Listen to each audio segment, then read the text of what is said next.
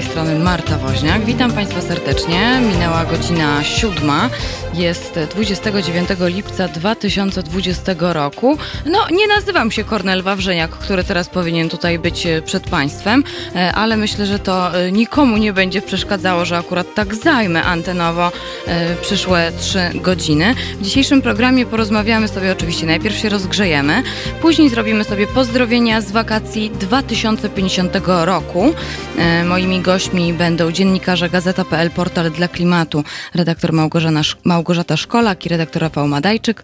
Natomiast o godzinie dziewiątej porozmawiamy sobie o honorowym dawstwie krwi razem z y, hobbystą honorowego dawstwa krwi, a także samym honorowym dawcą krwi z z y, Marcinem Lesiakiem z krwiodawcy.org, więc taki jest rozkład jazdy na dzisiaj i ja już, ja już witam serdecznie Państwa, witam Julka, witam Czoblaka, Witam pana Ryszarda, witam pana Adama, witam pana Jakuba. Mogą państwo, y, jeżeli ktoś się na przykład teraz dołączył do Haloradia i nie wie o czym i kogo to tak witam, to tylko przypominam państwu, że że mogą Państwo pisać na czatach, kontaktować się. Mamy, no, no więcej jest opcji kontaktowania się. Niemniej, yy, Niemniej e, e, jedną z form jest właśnie czat e, w transmisji na Facebooku, w transmisji na YouTubie, ale też mogą Państwo na przykład wysłać maila Rzadko Państwo akurat piszą do mnie maile. Mam nadzieję, że dzisiaj się to trochę, e, to trochę akurat zmieni. E, więc teraz małpahalo.radio albo mogą Państwo dzwonić 22 39 059 22. Taki jest numer telefonu do naszego haloradiowego studia. E, no i jeszcze witam Giovanniego, witam Panią Joannę. Bardzo się cieszę, że Państwo są i oho, ho, chyba kogoś jeszcze mam na łączach. Halo, halo, dzień dobry. Halo, halo, a, kto, a, któż, to, a któż to do mnie mówi teraz? Z tej strony Kornel Wawrzyniak. Witam halo słuchaczy, halo słuchaczki i witam panią redaktor. No. Przede wszystkim na początku chciałem pani redaktor, e, droga Marto, złożyć ci życzenia, bo wiem, że masz dzisiaj imieniny. A, dziękuję bardzo, dziękuję. Do imienin dojdziemy, do imienin dojdziemy. Natomiast my chcielibyśmy się dowiedzieć, dlaczego ty dzisiaj nie budzisz e, halo słuchaczek i halo słuchaczy? Powód jest taki, że mam dzisiaj rozmowę rekrutacyjną e, na trzeci stopień studiów, czyli tak zwany doktorat. E, I siedzę już od rana i przygotowuję się po prostu do rozmowy, która się odbędzie o 12.20. Także proszę wszystkich o to, aby trzymali dzisiaj kciuki. To bardzo poważne rzeczy. Będziemy trzymać kciuki za ciebie, Kornel, zdecydowanie. E, tutaj będę przekazywać e, dla naszych halasłuchaczek i halasłuchaczy również, żeby trzymali kciuki. I jeżeli Państwo trzymają kciuki, to proszę dawać koniecznie znać i proszę pamiętać 12.20 zaciśnięte jak najmocniej. Dziękuję bardzo. Kornel, w takim razie zabieraj się do pracy. E, natomiast e, ja tutaj już się zaopiekuję wszystkimi odpowiednio i dobrze, ok? E, no proszę Państwa, zostawiam Was w najlepszych możliwych rękach. O 15 też mnie nie będzie. Będzie Kuba Wątły, który poprowadzi dzisiaj aktualności. A teraz Bawcie się świetnie z panią redaktor Martą Woźniak. Ja też będę trochę podsłuchiwał jeszcze. No dobrze, e, skoro, skoro tak, e, Kornel, mm, trzymamy za ciebie kciuki, e, daj czadu i jutro pewnie państwu też znacie, co jak. Także dzięki i do pracy. Dzięki, Marta. Rodacy. Lecę do pracy. Leci do pracy. E, proszę Państwa, jak Państwo słyszeli, Kornel dzisiaj ma obowiązki e, dość poważne. Trzymamy za niego wszyscy mocno kciuki. Aha, no i tutaj jeszcze e, Julek podpowiada. Julek podpowiada, Kornel, pamiętaj, Jezus nie zmartwychwstał. To jest pewnie takie trzymanie kciuków haloradiowe. Natomiast Joe Black pisze, Kornel, dasz radę. No i Pan Kacper, powodzenia panie Kornelu. E, natomiast pani, pani Basia e, również dopisuje wszystkiego najlepszego dla Kornela. Dla mnie też, ale tutaj akurat e, dla prowadzącego, który powinien siedzieć tutaj teraz na moim miejscu, jak najwięcej, jak najwięcej wszystkiego dobrego. No dobrze, moi mili i moje miłe, to zaczynamy się budzić z takim pewnie nie z przytupem, jak to masz końca, ale zrobię co w mojej mocy. Więc zaczniemy sobie po prostu imieninowo imieninowo. No i kto to obchodzi dzisiaj imieniny? No proszę Państwa, ja, Marta. oprócz, oprócz mnie, oprócz innych Mart, jeżeli są jakieś Marty po tej drugiej stronie, to proszę dać znać, że są, bo ja dopiero pierwszą taką Martę to właściwie poznałam, jak poszłam do liceum. Miałam takie przeświadczenie, że mam tak okropne imię i co to w ogóle za pomysł, żebym się tak nazywała, jak się tak nikt nikt nie nazywa dookoła, e, ale okazało się, że jednak istnieją inne Marty i zaskakująco na studiach był już jakiś absolutny wysyp Mart. Także e, nie wiem, czy Państwo też mają takie doświadczenie ze swoimi imionami. W każdym razie, w każdym razie wszystkim moim imienniczkom życzę e, wszystkiego najlepszego. Proszę dawać znać, czy są po drugiej stronie Marty. Proszę dzwonić 22 39 059 22. Ja z przyjemnością złożę życzenia imieninowe. Podobno niektórzy mówią, że a tam imieniny machają ręką i że a to dlaczego, dlaczego, dlaczego. Mnie od dziecka uczono, że i mam urodziny, i mam imieniny i dostaję podwójny prezent. O, a co? A dlaczego by nie? Dobrze, ale oprócz Mart, y, imieniny obchodzą, obchodzi również dzisiaj, obchodzą również dzisiaj Olafowie, a także Antonin, Beatrycze. O, no i właśnie tu jest bardzo dziwne imię, którego oczywiście nie umiem pewnie dobrze przeczytać. Proszę Państwa, Cisz Pibog. Ciszpibog. Ciszpibok. Myślę, że jest całkiem wysoko, jeżeli chodzi o takie imię jak Haralampia, y, więc y, możemy sobie zrobić kiedyś konkurs imieninowy dla tych z Państwa, którzy y, nie znają mnie haloradiowo, to zawsze czytając, zawsze czytając, kto dzisiaj obchodzi imieniny, tak się jakoś akurat składa, że no ten imiennik jest zawsze taki barwny bardzo mocno i sobie tutaj rozwiązujemy skąd są jakie imiona. No więc, no więc akurat y, któregoś razu padło, że imieniny miała Haralampia. Halarampia, Haralampia, tak, Haralampia, y, co było dla nas bardzo zaskakujące i to akurat, to akurat bardzo zapadło nam w pamięci, natomiast myślę, że Ciszpibok również nam zapadnie w pamięci. Później jeszcze imieniny ma dzisiaj Ciszpisława. Ciszpibok i Ciszpisława. No niesamowite. E, imieniny również obchodzi Eugeniusz, Faustyn, Felix, Flora, Konstantyn, Lucyla, Lucyliusz, e, Maria, Prosper, Prospera, Rufin, Serafina, Serapia, Symplicjusz, Symplicy, Teodor i Wilhelm. Także dla tych wszystkich osób e, wszystkiego, wszystkiego e, najlepszego. Julek pisze, poznałem trzech Juliuszów w swoim życiu, jak na ponad czterdziestkę to całkiem dobry wynik. O, proszę bardzo, Juliusz. No tak, ja żadnego Juliusza nie znam, faktycznie nie poznałam, nie wydaje mi się. Natomiast już kiedyś też rozmawialiśmy o imionach i akurat, no ja na przykład znam, proszę Państwa, Medarda. O, tak, tak. Chodziłam do liceum, z, do liceum z Medartem i zawsze przy okazji imienin akurat o nim wspominam. Ale cóż, ale cóż, e, tutaj jeszcze Julek o Haralampi pamięta zdecydowanie. E, pan Janusz z Koszalina nas pozdrawia. Bardzo dziękuję panie Januszu za życzenia imieninowe. E, pan Sławomir z kolei nas e, pozdrawia z chłodnego Feltam. E, no, w Warszawie akurat też chłodno, bo całą noc padało. Całą noc padało i jest taki chłodek, ale już, już znowu czuć, że za chwilę będzie parno i że znowu za chwilę będziemy tutaj, tutaj pływać po prostu w gorącu. Julek z kolei dopowiada, Ciszpisława mogłaby zostać moją żoną w ciemno. Ciszpisława. No może Wiedzą Państwo, to trzeba po prostu wpisać w Facebooka, w wyszukiwarkę facebookową, wpisać Ciszpisława i może jakaś się akurat pojawi, więc Julku, nic straconego, nic straconego. Witam Pana Grzegorza, bardzo się cieszę. Witam Pana też Wojtka, bo się z Panem Wojtkiem jeszcze nie witałam. Witam Panią Asię, no i witam Panią Małgorzatę, która, e, która również tutaj składa mi życzenia imieninowe. No dobrze, no to jak już się tak bardzo mocno e, w tym takim imieninowym klimacie od odnalazłam. Jest mi bardzo miło i bardzo miło mi z uśmiechem Państwa e, doprowadzę do godziny 9.45, bo do tej z Państwem dzisiaj jestem. A dzisiaj mówimy o ważnych rzeczach. Nie, nie będzie tylko śmieszko, nie, śmieszkowo. Nie będzie tylko śmieszkowo.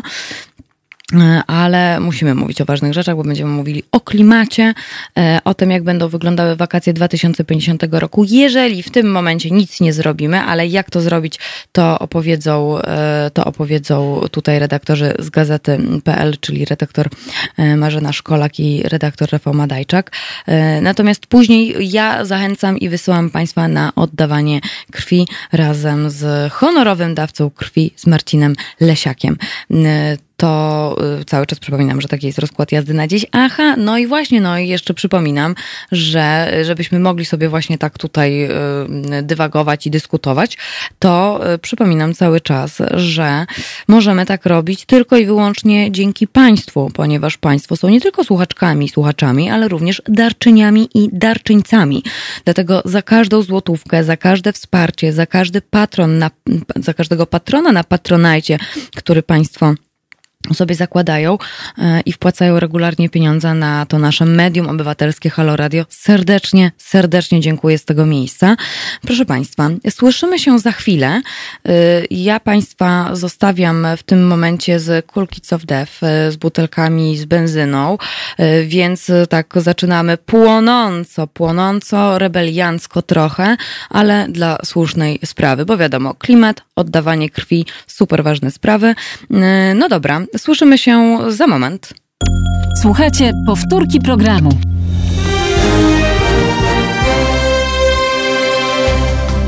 Halo Radio. Pierwsze medium obywatelskie.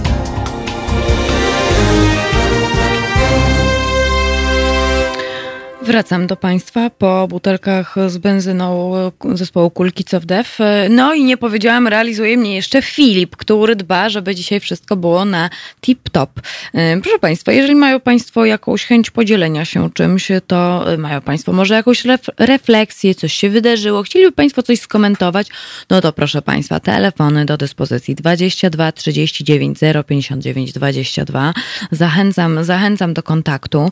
No chyba, że czekają Państwo Państwo na te późniejsze godziny, czyli na godzinę ósmą, kiedy rozmawiamy sobie o klimacie i o tym, jak wyglądają wakacje, że jest strasznie gorąco i że są powodzie i że właściwie kiedyś do walizki to będziemy musieli koniecznie oprócz E, kremu z filtrem e, wrzucać jeszcze kalosze, bo to nigdy nie wiadomo, kiedy coś się wydarzy z wodą. E, podobno tak jest. I to, to, to, to będzie może wtedy chcą Państwo zadzwonić, choć zachęcam wcześniej. Natomiast też mogą Państwo mówić, czy są Państwo honorowymi dawcami krwi, bo tutaj akurat są, jest, jest apel z Ministerstwa Zdrowia, że właśnie zaczęły się wakacje, wakacje, zaczęły się wakacje, właściwie już jesteśmy na półmetku tych wakacji, e, a to jest najtrudniejszy czas dla publicznej służby zdrowia, no i w tym okresie też e, bieżące stany magazynowe krwi i jej składników w Polsce drastycznie maleją, dlatego jest ona szczególnie potrzebna, jeszcze biorąc pod uwagę e, skutki tutaj dla służby zdrowia z powodu, spowodowane koronawirusem, również krew jest po prostu bardzo, bardzo potrzebna. Dlatego o tym sobie dzisiaj powiemy. Mm, natomiast, natomiast cały czas, cały czas zachęcam Państwa do kontaktu, bo to ważne, bo to jest medium od obywatelek i obywateli dla obywatelek i obywateli i proszę o tym, e, i proszę o tym pamiętać. O, pan Adam pisze, odziedziczyłem uniwersalną grupę krwi 0RH- i dzielę się nią chętnie, do czego i innych zachęcam. Super, panie Adamie, trzeba, trzeba innym mówić, żeby oddawać krew krew, koniecznie, zdecydowanie. E, o tej krwi sobie jeszcze, e, jeszcze powiemy, ale po godzinie dziewiątej. Natomiast, e, no ja Państwu jeszcze nie powiedziałam powiedzonek ludowych na dziś, no i znowu są związane z moim imieniem. Znowu, to znaczy tak jakby kiedyś były w ogóle związane z imieniem. No nie, to to znowu usuńmy. I... Yy, No i zacznijmy. E, powiedzonka ludowe na dziś związane z e, imieninami Mart. E, około Dnia Świętej Marty ze żniwami już nie żarty. No tak, chociaż w tym roku to ja nie wiem. Może ktoś akurat z Państwa, czy już żniwa się zaczęły. Około Świętej Marty płać za żniwo, dawaj kwarty. No i jest jeszcze jedno powiedzonko ludowe na dziś. Święta Marta wodzi głód do czarta. Także tak trochę, no nie fajnie, nie fajnie, ale ze mną jest, myślę, tak miło i sympatycznie, proszę dawać znać. E, no i też pamiętam taki, jest taki wierszyk, który zawsze się powtarza a propos Marty. Czy pani Marta jest grzechu warta? Ta myśl uparta zabija mnie, bo dla mnie Marta zakryta karta, być może warta, być może nie. E, to już państwo oceniają, czy warta, czy nie warta, e, ale polecam w całości. Irena Santor również śpiewała, Irena Santor również śpiewała te piosenkę tekstem Mariana Hermana. E, także, e, także, także tak o. No dobrze, jedziemy dalej. A, no i proszę Państwa, dzisiaj mamy tak zwane, no, nietypowych świąt, które dzisiaj się dzieją to y, jest Światowy Dzień Tygrysa. Przypomnę Państwu, że tygrysy to jest, y, no to dzisiaj one wszystkie świętują swój dzień y, i to też podkre, podkreślmy, podkreślmy, to jest akurat no, największy kot na ziemi. No i nawet są dobre wieści związane, związane z tygrysem, związane z tygrysem, dlatego, że no, sześć dni temu we wrocławskim zoo urodził się tygrys sumatrzański. E, no i to jest jeden z najrzadszych z kolei podgatunków tygrysa na świecie i w naturze jest ich około 400-500 osobników. W ogrodach zoologicznych jest ich 272, więc e, wymagają one szczególnej, szczególnej ochrony akurat. E, o, Julek odpowiada, że żniwa już się zaczęły. Ja to nie wiem, bo ja w tym mieście cały czas siedzę, to ja w ogóle nie wiem, co się dzieje poza miastem, ale może to się trochę, może to się trochę zmieni. E, Julek, jeden woli schaby, drugi woli mostek, a ja wolę Martę, bo ta nie ma kostek. O, Julku, zdziwiłbyś się, kostki mam, kostki mam, zdecydowanie. Nie podniosę teraz nogi tak, żebyś zobaczył, czy kostki mam, czy nie mam, e, ale zapewniam, ale zapewniam, że kostki y, posiadam. Proszę Państwa, tygrys, tygrys sumatrzański, nowy, nowy narybek wrocławskiego ogrodu zoologicznego, wszystkiego najlepszego. E, no i, no i, no i świętujmy dzisiaj i pamiętajmy o tym, że Tygrys to jest dziki kot i jakiekolwiek pomysły posiadania tego zwierzęcia w domu. A i widzą Państwo, to jest niesamowite. Musiały minąć dwa tygodnie od naszej rozmowy a propos pomynubi. Ja przepraszam, że ja znowu o niej, ale to jest temat, który ja śledzę cały czas. Musiały minąć dwa tygodnie od naszego, od naszego yy, wyjaśnienia, że nie żyjemy w Disneylandzie, ani w kreskówce żadnej i w bajce. E, żeby nagle pojawiały się informacje, że jednak puma to jest dzikie zwierzę, że żeby ona była taka miła i potulna, to trzeba ją tresować, uderzyć, być niemiłym, więc, e, więc coś, coś, coś się rusza. Coś się rusza. Mam nadzieję, że do coraz więcej, większej ilości osób akurat, e, do coraz większej e, ilości osób to dotrze. Tygrys, przypominam, też jest dzikim zwierzęciem. Nie udomawiamy go. Od udomawiania, jak ktoś chce kota, to jest kot domowy, tak zwany. Swoją drogą poznałam wczoraj bardzo walecznego kota. E, w jednej, w jednej, w jednej z restauracji w Warszawie. E, kotka, kotka właścicielki, e, bardzo, bardzo waleczna, bardzo waleczna, zabrali ją z krzaków, no i okazało się, że jest bardzo chorutka, bo ma pęcherzycę i cały czas się robią właśnie takie pęcherze na jej ciałku już tak będzie miała po prostu do końca życia, więc super, super waleczna, bardzo miła, bardzo przytulaska. No i takiego tygryś, takie tygrysiątko małe, półmiątko to możemy w domu mieć proszę Państwa, a nie a nie dzikie zwierzę. To cały czas będę podkreślać. O, i widzę, Wolf się objawił. Wszystkiego dobrego. Mam nadzieję, że już rozbudzony. Mam nadzieję, że kawa już w ruch. Przypominam Państwu również, że mogą Państwo wspierać Halo Radio, e, kupując, e, nabywając rzeczy drogą kupna w naszym Halo Radiowym sklepie. Nasz Halo Radiowy sklep jego oferta to można sobie zerknąć na Facebooku e, albo można wejść na naszą stronę www.halo.radio.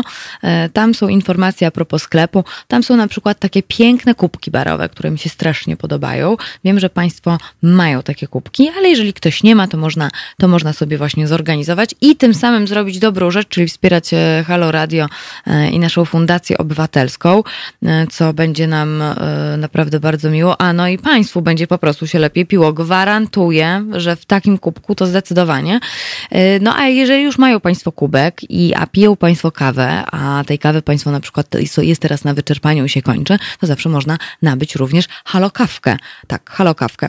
Ja tutaj nie będę mówić już o kawie, bo już się parę razy zbłaźniłam, więc y, milczę a propos kawy, ale mówię, że można nabyć. Co to za kawa? Naprawdę odsyłam halo.radio, y, tutaj zakładka sklep albo na naszym Facebooku. No to co? No to wypadałoby teraz zrobić y, taką, no, co się wydarzyło tego 29 lipca na świecie. No i zaczynamy, proszę Państwa, na grubo. Na grubo. Pewnie nie powinnam tak mówić, ale chodzi o naszego króla Jana III Sobieskiego, y, co to według y, wielu uważany jest za jednego z najwybitniejszych polskich monarchów i wodzów. No i proszę Państwa, 29 lipca 1683 1983 roku król Jan III Sobieski wyrusza na czele armii z Krakowa pod, e, pod Wiedeń, który jest oblegany przez Turków. No i e, właśnie w 1083 roku, jakbym mówiła o 1900, bo tak się już utarło. No i w 1683 roku właśnie on, e, Jan III Sobieski, nasz wódz, nasz monarcha, nasz tutaj król nad króle odnosi ogromne zwycięstwo Później po tym wszystkim Osmanie nazwali go lwem Lechistanu. No i znowu te dzikie koty nam się tutaj. E, no i widzą Państwo, lew Lechistanu. Z lwami się nie zadziera. Z lwami się nie zadziera. Lwy to też dzikie koty. Natomiast e, obecnie ówcześnie urzędujący papież Innocenty XI e, uhonorował Jana III Sobieskiego tytułem Fidei Defensor, czyli obrońcy wiary. No i dość smutno skończył tutaj nasz Jan III Sobieski, król nad króle, bo pod koniec swojego życia był bardzo mocno schorowany. On cierpiał między innymi właśnie na otyłość, e, na dnem moczanową, na kamicę nerkową, nadciśnienie i zapalenie zatok, no i też przywrókł z Francji e, syfilis. E, no i też, ponieważ mm, ponieważ stosowano na nim terapię rtęciową, okazało się, że doprowadziło to do uszkodzenia nerek. E, no i właśnie e, według, e, według, znaczy według lekarzy to do śmierci doszło, do śmierci doszło właśnie po nadmiernej ilości rtęci, rtęci podanej zmarł 17 czerwca 1696 roku w Wilanowie, a przyczyną miał być atak serca po właśnie po długotrwałej e, chorobie. Więc e, Jan III Sobieski, to dzisiaj sobie o nim trochę myślimy. Mm, o, Jurek, że na Wiedeń chyba dziś. No ja tu mam informację, że wyruszył, że wyruszył, e, ale to trzeba by było sprawdzić, to trzeba by było sprawdzić dokładnie, e, e, kiedyż to, to dokładnie. No, o, no i właśnie bitwa stoczona 12 września, więc jeszcze trochę, jeszcze trochę. Dzisiaj po prostu był pierwszy start z Krakowa w tym 1683 roku. Natomiast 12 września będziemy tutaj mówić o Tutaj będziemy mówić o e, no, o zwycięstwie w Wiedniu, po prostu pod Wiedniem. E, pan Adam pisze, trochę obawiam się e, tego doktoratu redaktora Cornela. On już w tej chwili jest strasznym gadułą, ale niech już mu się wiedzie, bo przyjemnie uszą to jego gatulstwo. O, nie wiem, czy akurat redaktor Wawrzyniek słucha, ale przekażę, przekażę. No ale to chyba dobrze, że gaduła, bo jak ma dzisiaj spotkanie i musi mówić o ważnych rzeczach i bardzo mądrych, no to, no to to gadulstwo się przyda. Gadulstwo się przyda jeszcze tak trzeba usystematyzować wiedzę. E, jak mawiał jeden z moich wykładowców mm, z Uniwersytetu Śląskiego, e, jak to leciało? Uporządkujmy wiedzę, będzie to dobry kapitał na przyszłość. I z tą myślą zostawiam Państwa teraz na chwilę beze mnie, ale mam nadzieję, że nie będzie Państwu smutno. Zostawiam Państwa z Billem Withersem.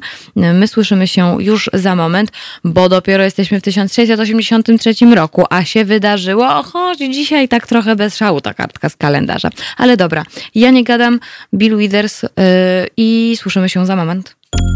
To jest powtórka programu.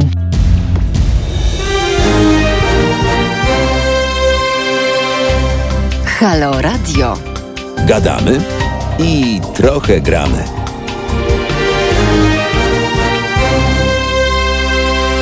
No to pyk, wróciłam. E, mieliśmy właśnie z Filipem dyskusję na temat tego, co, co pijemy, żeby się pobudzić. E, oczywiście Państwo piją halokawkę, e, albo Państwo piją yerbę, bo ja na przykład piję yerbę. Właśnie muszę, muszę podrzucić ten pomysł o halojerbie zdecydowanie, żeby była dostępna. To, o ja, to by było coś, taka halojerba. Mm. To tak, natomiast, natomiast Natomiast Filip, tak jak ja, kawy nie pije.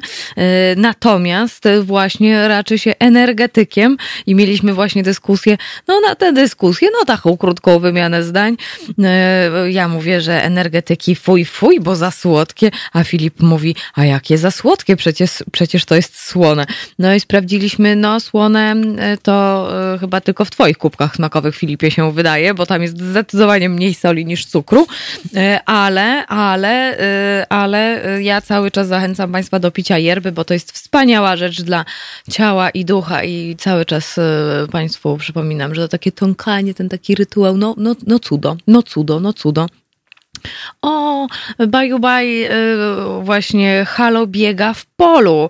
E, no to ekstra. No to e, proszę biegać również za nas. My w tej chwili nie biegamy, ale jeżeli ktoś by chciał na przykład zadzwonić i powiedzieć, co właśnie robi, albo jakie ma plany na dzisiaj, albo czy jest honorowym dawcą krwi, albo e, jaką pocztówkę wakacyjną wysłałby w 2050 roku do swoich bliskich, tych, co to jeszcze się na przykład nie urodzili w tej chwili, no to proszę Państwa, 22 39 059 22, taki jest numer do haloradiowego studia. E, ja cały czas, cały czas e, zachęcam Państwa do kontaktu. Julek tutaj mówi, izotoniki są słone, no ale to nie izotonik, to energetyk. To energetyk. Widziałam, widziałam, pokazywał mi e, Filip. Julek jeszcze dopowiada, że on inkę pije. Ale halo, halo Yerbę to z przyjemnością. No, halo Yerba, musimy tutaj zrobić, musimy tutaj zrobić chyba jakąś petycję o halo Yerbę. No to by było coś, prawda? Tak mi się wydaje.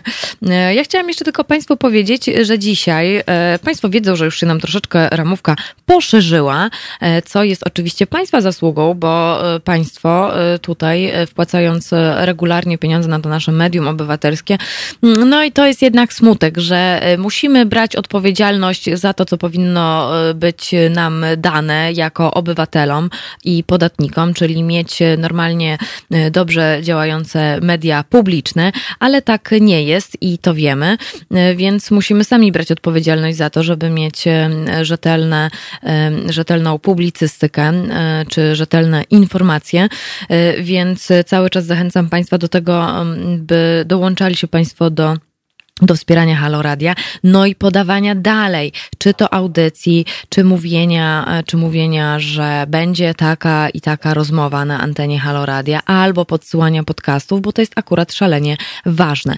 A mówię też o tym, e, a mówię też o tym dlatego, że właśnie dzięki Państwu, dzięki Państwa wsparciu mogliśmy sobie pożyczyć ramówkę tak, no i proszę Państwa, no dzisiaj to jesteśmy od siódmej, e, od siódmej aż do pierwszej jesteśmy z Państwem takim, takim ciągiem, takim ciągiem dość, dość długim, bo tak, bo po mnie tutaj e, na moje miejsce wjeżdża Wojtek Krzyżaniak, czyli głos szczerej słowiańskiej szydery. Jest z Państwem do godziny 13. Do, o godzinie 13 z kolei pojawia się nowość, czyli Tomasz Jastrun ze swoją audycją.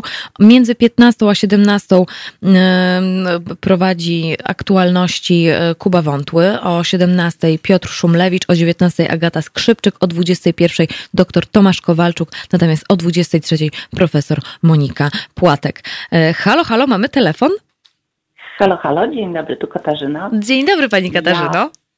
Ja, ja w sprawie krwiodawstwa. Ja przede wszystkim chciałam podziękować serdecznie dzięki Halo Radio wszystkim krwiodawcom, ponieważ dzięki krwiodawcom mogę słuchać Halo Radio. Mogę podziękować poprzez Halo Radio tym, którzy dają nam drugie życie, nam potrzebującym. Niestety dyskwalifikuje mnie to jako dawcę, ale dopilnowałam, żeby mój syn był dawcą, ponieważ jako jedyny w rodzinie może tym dawcą być, bo niestety nie każdy z nas może być dawcą. I właściwie tyle w temacie krwiodawstwa. Jeszcze raz wszystkim serdecznie dziękuję. Życzę dobrego dnia.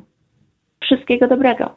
Dziękujemy Pani Katarzyno za ten głos, za telefon e, i tutaj też e, e, dziękuję wszystkim z tego miejsca, którzy są honorowymi dawcami krwi. Proszę sprawdzać, czy mogą Państwo być, bo to nie jest takie oczywiste właściwie, a naprawdę ratuje życie. O tym sobie powiemy trochę więcej po godzinie dziewiątej. Tutaj, tutaj Pan Michał mówi, to ja się chciałem pochwalić, 33 lata i 26 litrów litrów oddanej krwi. Wow, no to jest imponujący wynik faktycznie. E, myślę, że tak, że możemy się chwalić albo e, możemy na przykład zachęcać innych do tego, żeby oddawali krew. E, o tym powiemy sobie więcej już akurat po godzinie po godzinie e, dziewiątej z Michałem e, Lesiakiem. E, natomiast, natomiast, no co, no to dalej jedziemy z kartką z kalendarza. Był 1683, to teraz będzie tak przewrotnie 1836. Tylko się po prostu cyferki zamieniają miejscami, bo w Paryżu odsłonięto łuk triumfalny i jak tylko to przeczytałam, to od razu sobie pomyślałam o fantastycznej, znakomitej książce Ach, Erisia Marii Remarka, e, czyli Łuk Triumfalny, cudowna, cudowna książka. Pamiętam, że jak ją przeczytałam, to e, chciałam koniecznie się dowiedzieć, jak smakuje Calvados, e, ale że Calvados nie jest popularnym trunkiem w Polsce, a właściwie w ogóle praktycznie go nie ma. W żadnej knajpie nie można się go napić. No teraz to już można sobie zamówić i, y, i, i sprowadzić, żeby zobaczyć, jak to chociaż smakuje. No i okazuje się, że y, dopiero po 11 y, latach od przeczytania książki posmakowałam tego kalwadosu obrzydlistwo. Smakuje, smakuje tak, jak myślałam. No coś, coś wstrętnego. E, oni po prostu ten kalwados strasznie pili w tym łuku triumfalnym. E, cały czas w tych barach różnego rodzaju i różnego rodzaju knajpach. E, więc kalwados, obrzydlistwo, ale można na przykład, jeżeli Państwo będą w Budapeszcie, to się okazuje, że tam na przykład kalwados normalnie w knajpach funkcjonuje. Więc, więc, więc, więc tak o.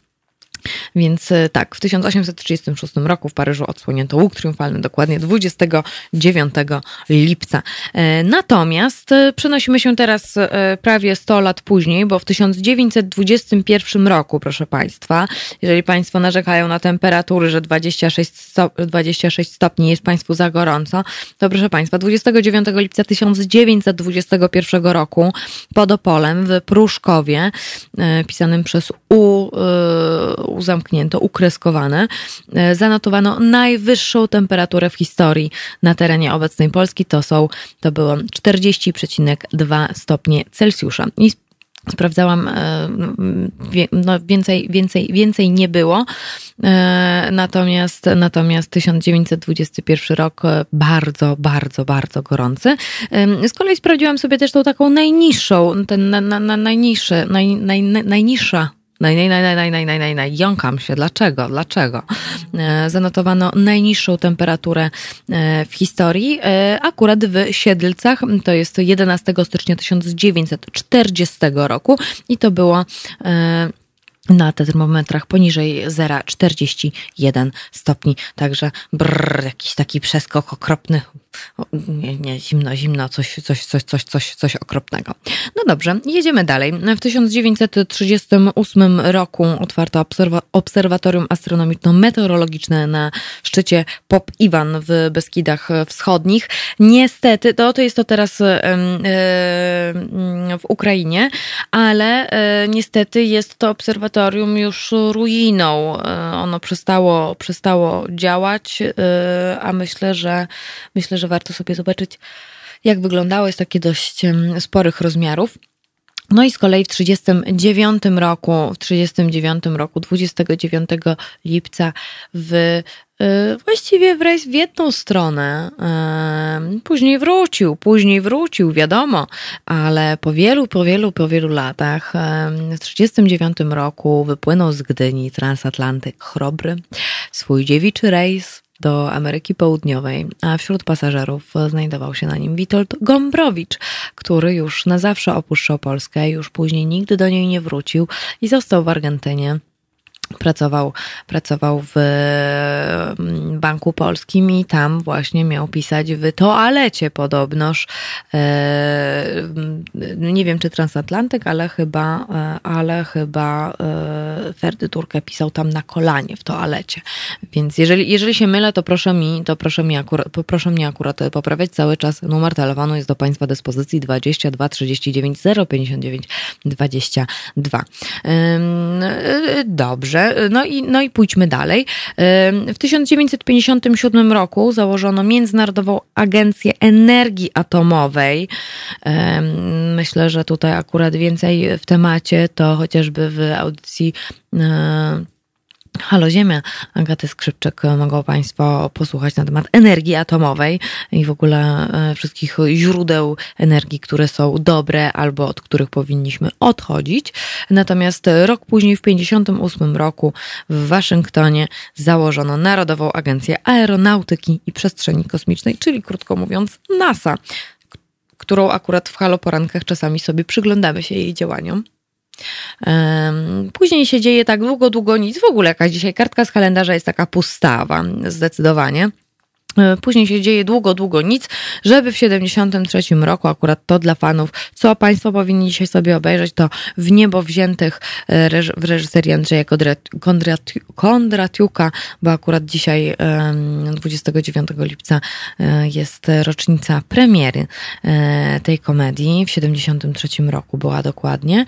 Natomiast w 75 roku z kolei, w 75 roku z kolei, tutaj pierwszy prezydent prezydent Stanów Zjednoczonych, czyli mm, Gerald Ford, odwiedził były niemiecki obóz koncentracyjny Auschwitz-Birkenau.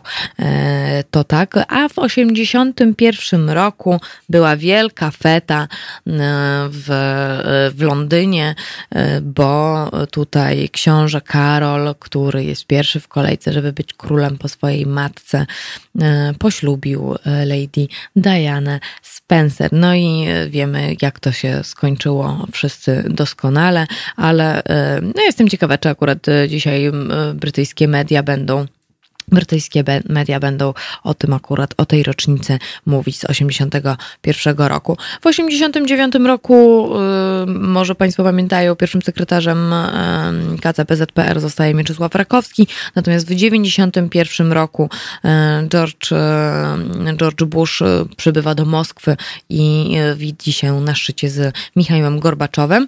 W 98 roku, do teraz przenieśmy się trochę, trochę do Polski, w 98 roku z kolei w Łodzi powstaje, znaczy powstaje, no nie powstaje, ale ustanowiono oficjalny hejnał, e, hejnał Łodzi e, i to jest Prząśniczka, czyli pieśń, którą tutaj stworzył Stanisław Moniuszko. Pamiętam, że pamiętam, że akurat ze szkoły bardzo lubiłam, bardzo lubiłam sobie tak podśpiewywać, bo to takie fajne, skoczne było zawsze, więc Prząśniczka dzisiaj pewnie w Łodzi wybrzmi jak najbardziej bardziej uroczyście, skoro dzisiaj rocznica. No i jeszcze w 2004 roku powołano e, spółki pasażerskich przewozów kolejowych Koleje Mazowieckie, co to różnie e, co to różnie jeżdżą, ale jeżdżą, no i dzisiaj również e, świętują w kolejach mazowieckich założenie. Proszę Państwa, na zegarach 7.47 ja myślę, że y, ta nasza haloradiowa społeczność jest y, tak fantastyczna i tak świetna, y, że trzeba Państwa chwalić, bo teraz od jakiegoś czasu, jak trochę mówiliśmy o takich klubach haloradia, żeby sobie stworzyć kluby haloradia, żeby to były kluby dyskusyjne, nie wiem, kluby wsparcia. Trudno mi powiedzieć. To wszystko, to wszystko zależy od osób. No i proszę Państwa, teraz to wygląda tak, że już się takie kluby haloradiowe tworzą, żebyśmy sobie rozmawiali, żebyśmy się wymieniali, żebyśmy obywatelowali. Bardzo mi się podoba, bardzo mi się podoba czasownik obywatelować. Tak powinniśmy właśnie robić, robić obywatelować, patrzeć na innych i być z innymi blisko. Naszymi sąsiadami, nie tylko z bloku, mm, nie tylko z zapłotu, ale też z ulicy, z dzielnicy, z gminy e, i żebyśmy mieli takie poczucie, że nie jesteśmy sami, e, więc e, powoli, powoli raczkują, organizujemy się, organizują się właściwie Państwo na naszej haloradiowej grupie na Facebooku. Jeżeli ktoś nie wie, a chciałby dołączyć, to odsyłam właśnie tam, Halo Radio Grupa. Tam są różnego rodzaju wątki, są zapowiedzi audycji, co będzie, są czasami wcześniej, są różnego rodzaju dyskusje e, polityczne, niepolityczne, e, ale też pojawiają się informacje o klubach Haloradia. No i proszę Państwa, e, już taki klub haloradiowy właściwie się pewnie ukonstytuuje, ukonstytuuje dokładnie w sobotę 1 sierpnia o godzinie 16 w Warszawie, bo tutaj jedna z naszych słuchaczek E, pani Olga, którą serdecznie z tego miejsca, e, z tego miejsca e, z tego miejsca pozdrawiam, zorganizowała właśnie takie wydarzenie, żeby zebrać się pod rotundą po balkoniku barwy pomarańcz nas poznacie. Tak zapowiedziała. I że powstaje taki no właściwie takie pierwsze spotkanie warszawskiego klubu dyskusyjnego Halo Radia e, i w informacji jest, że jeżeli jesteś osobą otwartą na rozmowę i chętną do działania, jeżeli nie podoba Ci się obecna kondycja naszego społeczeństwa i chcesz coś w nim zmienić, jeżeli masz pomysł na, pomysły na ciekawe inicjatywy społeczne i chcesz je realizować w grupie fajnych osób, to wiedz, że my też tak mamy. Więc e, w Warszawie, e, jeżeli Państwo również, wiem, że również Kujawsko-Pomorskie się tutaj szykuje, do stworzenia takiego klubu, to tutaj pewnie Julek by więcej nam powiedział na ten temat. E, proszę robić wydarzenia na Facebooku, proszę się spotykać, proszę się poznawać i proszę dawać znać, jak te kluby Halo Radio działają i jak Państwo się wymieniają różnego rodzaju poglądami, bo oczywiście mogą Państwo zawsze do nas zadzwonić na antenę e, i możemy się powymieniać, ale najfajniej jest po prostu działać razem e, i zrobić coś dobrego. Na przykład wyrzucać śmieci wspólnie, wspólnie, o, to to jest jeden taki pomysł, albo pójść y, tak gromko masowo y, do Regionalnego Centrum Krwiodawstwa i Krwiolecznictwa i oddać wspólnie krew, bo to przecież wiadomo, że no to jest to, to są obywatelskie postawy właśnie, które chcemy tutaj w Halo Radiu krzewić. E, Julek dopowiada, że tak Kraków, Śląsk e, e, i Wrocław również się tutaj zbierają, więc bardzo, bardzo się akurat cieszę, że że tak jest. E, jeszcze tylko Państwu przypomnę, a propos, a propos, a propos e, jako tako, że cały czas prowadzimy zrzutkę pieniędzy na to, ile kosztuje nas Kościół katolicki rocznie, nas podatników, 20 miliardów złotych rocznie. Więc e, chcemy zrobić taką kampanię. E, państwo pewnie wiedzą, ale może ci, którzy się włączyli teraz do nas pierwszy raz, tego jeszcze nie wiedzą. Chcemy zrobić taką kampanię billboardową, żeby się pojawiły billboardy w siedmiu miastach, że Kościół katolicki kosztuje nas, podatników, rocznie 20 miliardów złotych. I y, trochę pracuję nad tym, żeby zrobić dla Państwa audycję w ogóle o tym, jak to wygląda w Europie, jak finansowany w Europie jest akurat Kościół katolicki, jak sobie radzą z takimi rozwiązaniami po prostu inne kraje. I myślę, że tutaj tutaj, tutaj przy, przy, przyjrzelibyśmy się, ale muszą Państwo dać mi jeszcze chwileczkę, żeby to, żeby to zorganizować. Julek jeszcze dopowiada, że wszystkie informacje na Halo Radio Grupa na Facebooku, ja tam też odsyłam. No dobrze, no to co? Ja myślę, że teraz zrobimy sobie, zanim, zanim przejdziemy do klimatu, to zrobimy, sobie, y, zrobimy sobie trochę muzyki w uszach, żeby się może jeszcze trochę bardziej y, tak pobudzić do działania. Nie wiem, jaka państwa, u Państwa pogoda. W Warszawie jeszcze szaro, ale liczę na to, że wychynie jeszcze tak słońce, żeby taka ta środa była milsza i przyjemniejsza. No tak, na zegarach 7.52. Zostawiam Państwa teraz z, z Daft Punkiem i zdecydowanie trochę się rozruszajmy, e, bo piosenka z, e, z udziałem Farela Williamsa Ketlaki. E, no i cóż, no to tyle mojego gadania na tę godzinę. Cały czas przypominam, że mogą Państwo się dołączać do dyskusji. Teraz będziemy rozmawiać o klimacie i o pocztówkach z wakacji, a o godzinie 9 o honorowym dawstwie krwi. Słyszymy się za moment. Słuchajcie powtórki programu.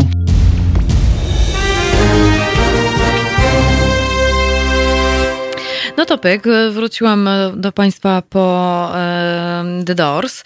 E, przed mikrofonem Marta Woźniak, dla tych, którzy się dopiero teraz dołączyli i dziwią się, że nie ma w tym miejscu Kornela Wawrzyniaka, który zawsze powinien być w środowy poranek, ale przypominam, że Kornel dzielnie walczy do swojej rozmowy na doktorat, więc cały czas trzymamy za niego kciuki. Przypominam również, że tutaj za konsolą, za stołem realizatorskim jest Filip, który dba o to, żeby wszystko było na tip-top. Cały, też, cały czas też Państwu przypominam, że, że mogą się Państwo z nami kontaktować, czy to e, mailowo teraz małpahalo.radio, czy mogą e, Państwo mm, e, pisać klawiatury w ruch, w dłoń i pisać na transmisjach dwóch. Jedna jest na Facebooku, druga jest na YouTubie.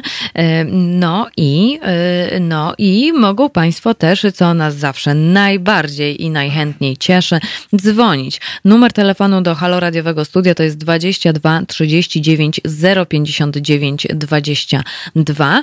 Widzę, że niektórzy się obudzili, na przykład pan Łukasz, który się no nie wiedział akurat, że to ja będę dzisiaj tutaj porankować, obywatelować, a porankujemy i obywatelujemy, obywatelujemy właśnie z redaktorem Rafałem Madajczakiem, dziennikarzem Gazeta.pl. Witam serdecznie.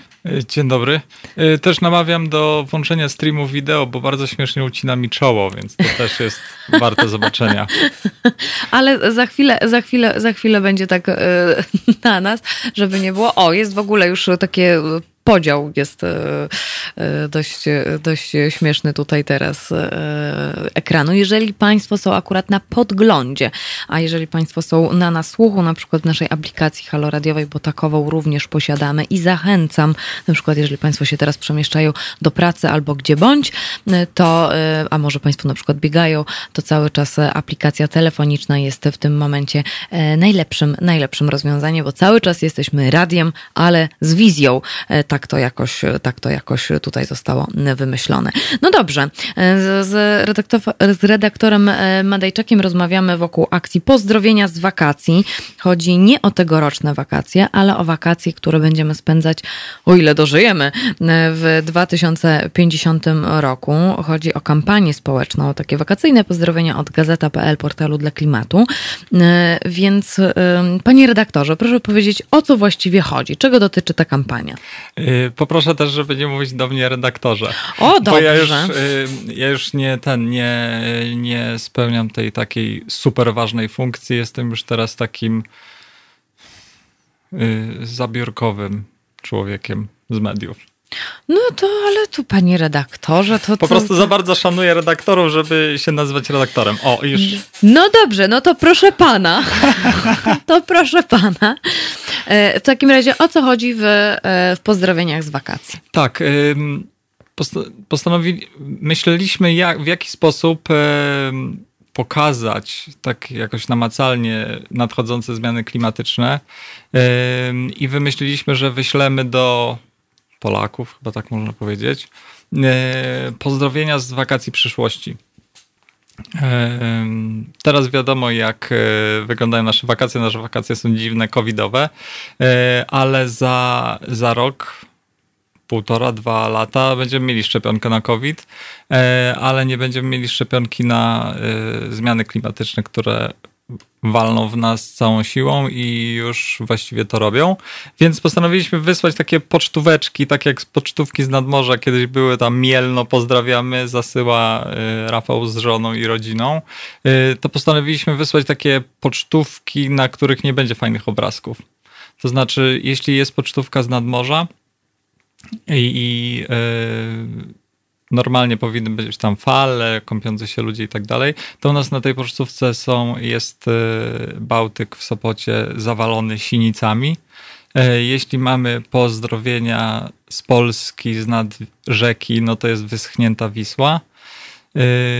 Pozdrowienia z Biebrzy, z, z tego, z Parku Narodowego, no to ilustruje pożar ostatni, który był największy w historii tego e, parku e, i tak dalej. I tym obrazkom towarzyszą e, takie lekkie pozdrowienia, tak jak dzisiaj się pisze, więc więc paląca się biebrza ma pozdrowienia, że jest trochę gorąco, ale, ale ogólnie spoko. Ten sinice z kolei bałtyckie, że okej, okay, może, może jest trochę sinic, ale za to jest mniej parawanów, chociaż może to by było spoko, nie? Ale, yy, ale jednak yy, daje to trochę do myślenia. No i jeszcze jest, przy Wiśle jest, że fajna Wisła taka nie za szeroka. To znaczy to jest wszystko pisane z y, perspektywy ludzi za 30 lat, dla których te zmiany dla nas być może alarmujące, dla nich mogą być już normą, jeśli czegoś nie zrobimy.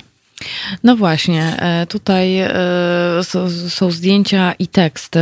Mogą Państwo łatwo znaleźć po prostu pozdrowienia z wakacji 2050, jeżeli Państwo wpiszą sobie w wyszukiwarkę. Tak, albo hashtag dwa, y, wakacje 2050. Albo może akurat widzieli Państwo na przystankach albo na billboardach te kampanie, bo również e, w Warszawie widziałam dość sporo akurat właśnie tych pocztówek, powiedzmy sobie.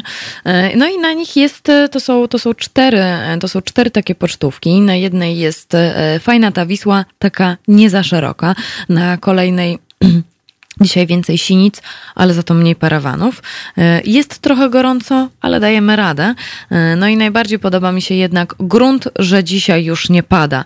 Jest zdjęcie drogi i to jest taka zabawa słowem. Grunt, że dzisiaj już nie pada, a to akurat oberwany most był w Małopolsce, tak? Tak, kawałek, kawałek drogi po, po gwałtownych opadach. No i, y, no, i, no i co? No i czeka nas katastrofa. E, no i takie y, zastanawiam się, do czego, do czego się dokładnie e, y, tutaj odwołujecie. Mhm. E, w ogóle tak, dodam też, że to nie jest same straszenie. To znaczy uważam, że osobiście, że same straszenie jest, jest bez sensu, jeśli nie dajemy głosu komuś, kto się zna i kto mówi, co możemy zrobić. Dlatego każdej z tych pocztówek e, towarzyszy obszerny wywiad na Gazeta.pl z przedstawicielką organizacji ekologicznej, co jest super. Mamy e, cztery wywiady i cztery kobiety, więc to jest w ogóle jeszcze e, dodatkowy atut. I tam każda z tych ekspertek tak, znaczy nie lukruje rzeczywistości, znaczy nie mówi, a jakoś to będzie, to ekosystem sam się wyreguluje, e, tylko każda poddaje jakieś konkretne, e, konkretne działania. I w tej akcji nie chodzi o straszenie i popadanie w pesymizm, tylko jednak to jest takie wezwanie trochę do działania. To znaczy, zastanawialiśmy się, czy nie dać tutaj e, horyzontu 2030 ale uznaliśmy, że te 10 lat to jest takie mm, ma, mało czasu, żeby coś zrobić. To znaczy, tu byśmy jakoś udawali, że można coś zrobić takiego bardzo namacalnego w 10 lat. No niestety prawda jest taka, że trzeba robić bardzo długo y, i liczyć, że to odniesie y, skutek. E, tutaj akurat e, e, nasza słuchaczka, pani Katarzyna mówi, dobry pomysł z tą kartką. Pan Wojtek 2050 dożyje może, ale czy będę ogarniał? Pan Łukasz z kolei pisze, i to jest wspaniała obywatelska postawa, to nie chodzi o możliwość doczekania, chodzi o zapewnienie przyszłości dla tych młodszych, którzy pojawią się po nas. To takie branie pełnej odpowiedzialności za to, jak będą dzięki nam żyć kolejne pokolenia. Pokolenia przed nami nie brały i nie biorą na siebie odpowiedzialności za to, że teraz co chwilę musimy odbierać alerty e, RCB. Chyba, że są to alerty wyborcze. Chyba, I, że... Ale to nie miały poprzednie pokolenia wpływu na to. Chyba, że tak. E, no, to znaczy w ogóle tak, trudno, w ogóle tak trochę chciałbym pobronić, nie o to chodzi, że bronić poprzednich pokoleń, ale po prostu oni mniej wiedzieli. To znaczy to był czas, kiedy w, y, pomijając kryzys paliwowy lat 70., benzyna była tania, silniki były wielkie, każdy chciał przynajmniej na zachodzie mieć samochód, e, im większy, tym lepiej i tak dalej, e, to jednak e, tak się te losy ułożyły, że to na nas spoczywa obowiązek, bo my jesteśmy pierwszym pokoleniem, które tak naprawdę wie, znaczy pierwszym pokoleniem, wszyscy, to nieważne, czy ktoś ma 15 lat, czy 70, my po prostu wiemy i to na nas będą patrzeć za generację ludzie i pytać się, czy oni zrobili tyle, co trzeba lub cokolwiek. Więc y, y, tutaj też jest takie, może się pojawić pytanie, trochę wisi pytanie, dlaczego 2050? 2050 jest to data dość taka powszechna wśród ludzi zajmujących się klimatem i też wśród decydentów. To znaczy y, Unia Europejska właśnie rok, rok 2050 wyznaczyła jako rok osiągnięcia zeroemisyjności, czyli że gospodarka produkuje dokładnie tyle y, dwutlenku węgla, ile jest w stanie zniwelować innymi działaniami, czy tam y, odnawialnymi źródłami energii i tak dalej, i tak dalej. Więc to jest, i to nie ma związku żadnego z ruchem Polska 2050 Szymona Hołowni. On był po nas. I nie wiadomo, czy przetrwa do 2050 ten ruch, chociaż Życzę wszystkim jak najlepiej. Proszę Państwa, e, a propos e, stron do polecenia, oprócz tego, że muszą Państwo zobaczyć, jak wyglądają te pocztówki, e, faktycznie trochę straszne, to znaczy najbardziej przerażająca jest chyba jednak pocztówka z Biebrzy. Mam takie wrażenie. Ten ogień jest jednak taki najbardziej, najbardziej mocnym, jest, mocnym z obrazków. Tak, to jest zdjęcie Michała Kościa, który zrobił niesamowite zdjęcia tego pożaru z kwietnia. Ono jest, no trochę teraz opowiadam zdjęcie, ale Państwo sobie znajdą, ale powiem dlaczego ono dla nas było mocne, bo ono jest, y, mimo tej pożogi, jest bardzo wakacyjne, bo w kadrze są po prostu takie łódki nad rzeką y, na pierwszym planie, a dopiero na drugim jest y, gigantyczny pożar i też uważam, że Biebrza jest symbolem tych y, zmian klimatycznych, bo y, jak opowiadał nas w wywiadzie Małgorzata Stanek z Fundacji dla Biebrzy, y, ten pożar kwietniowy był największym w historii parku dwudziestoletniej. I jeśli coś nie zostanie zrobione, zaraz powiem co, przepraszam, to on się będzie powtarzać, bo nie wszyscy chyba wiedzą, ale w Biebrzynie spadł y, śnieg w zimie, y, tej poprzedniej. Śnieg spadł w maju, y, ale nie było go jakoś tak dużo, żeby odtworzyć rozlewiska i w ogóle nawodnić ten cały park. I w ogóle eksperci mówią i ekspertki, że naszym problemem będzie woda. Woda, susza, bardziej nawet niż smog. Smog prawie w ogóle nie pada w tych, w tych rozmowach. Problem... Biebrza zapłonęła, bo była po prostu mega sucha, przez to, że nie było śniegu yy, i no przez po prostu klimat. Więc tutaj jest w ogóle mega szeroki temat yy, z wodą, bo to chodzi, yy, jak się powie ekologom i osobom jakoś zajmującym się tym woda, to oni od razu mówią rzeki i be mhm. betonowanie rzek. To znaczy to jest w ogóle też znowu, kurczę, szerszy temat, że y, po prostu cywilizacja przybliżyła się za bardzo do rzek. Znaczy budujemy te nasze mariny, te nasze y, jakieś tam y, willa, parki przy, przy rzece, a to jest bardzo niefajne. To znaczy rzeki powinny być dość dzikie. To znaczy nie o to chodzi, żeby od razu bulwary, bulwary nad Wisłą czy w Krakowie rozbierać, ale chodzi o to, żeby w Polsce te rzeki jakoś tak sobie dziko płynęły. Dziko w tym sensie, że miały dużo roślinności, lasów na brzegach, że mogły się swobodnie rozlewać. Jeśli się swobodnie rozlewają, to nie ma później gwałtownych powodzi, nie ma spuszczania wody stam i tak dalej, i tak dalej. Oczywiście masa osób mieszka nad rzekami, nie? Więc, e, tak. ale to jest, i tutaj jest zadanie dla, dla polityków, żeby wynegocjować jakiś sposób odsunięcia tych domów, czyli yy, przeprowadzek na przykład, yy, żeby dać tym rzekom yy, trochę powietrza. I wtedy nie będzie tych zarwanych dróg, to znaczy będzie mniej oczywiście, bo nie, nie wyregulujemy pogody. No nie wyregulujemy, ale y, możemy y, dla niej, dla niej coś zrobić, żeby było nam lżej, bo jednak 2050 to się wydaje, że o, daleko, daleko, a 30 lat minie jak, jak to się mówi, jak z bicza strzelił. Mam poleca po, polecajki.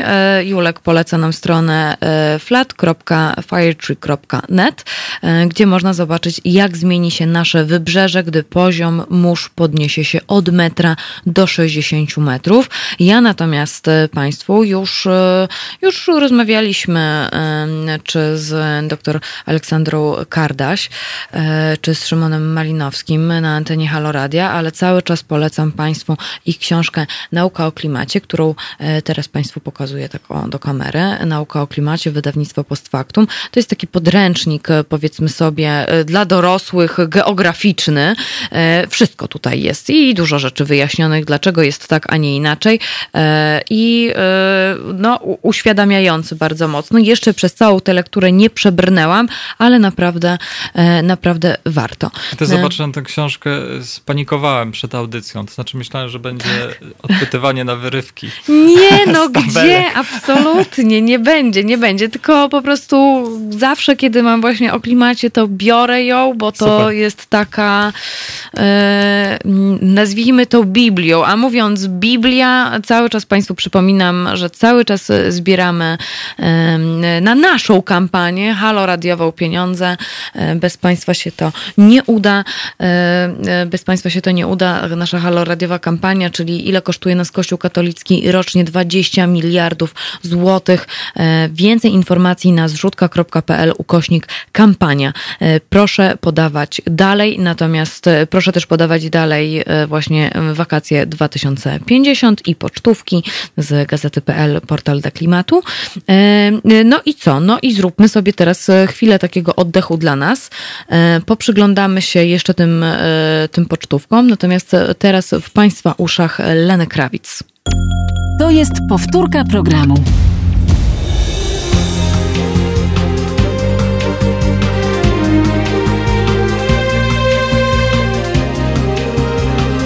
Halo Radio. Na zegarach 8.28, a w Szkocji 7.29, bo już mi się tutaj minuta e, przeskoczyła. Tu oczywiście pozdrowienia dla naszego słuchacza Gregorego Hausa, który aż dziw bierze, wstał skoro świt. E, Szok. Tak. I szacunek. Tak. E, wstał, wstał skoro świt.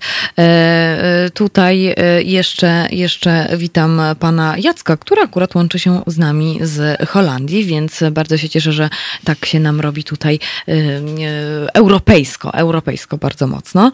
E, cały czas Państwu przypominam, że jesteśmy w y, klimacie o klimacie. O, rozmawiamy z Rafałem Madejczakiem z gazety.pl o akcji, kampanii społecznej, wakacyjnych pozdrowieniach właśnie z portalu dla klimatu. E, mogą Państwo sobie pocztówki zobaczyć z takimi różnymi hasłami. Fajna ta Wisła, taka nie za szeroka, e, grunt że dzisiaj już nie pada, e, no i jest trochę gorąco, ale dajemy radę.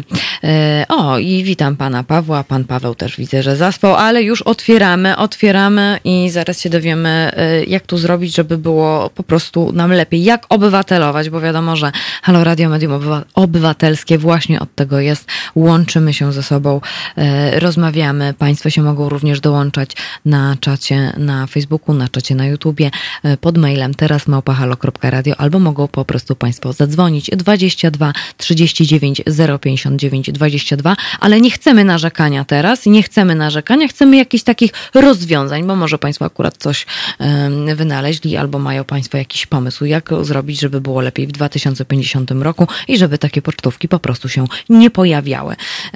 No to dobrze. E, No to, no to w takim razie, no to ja, ja się zastanawiam, czy na przykład takie pocztówki wakacyjne, e, e, kampania, e, to przemówią na przykład e, ludziom.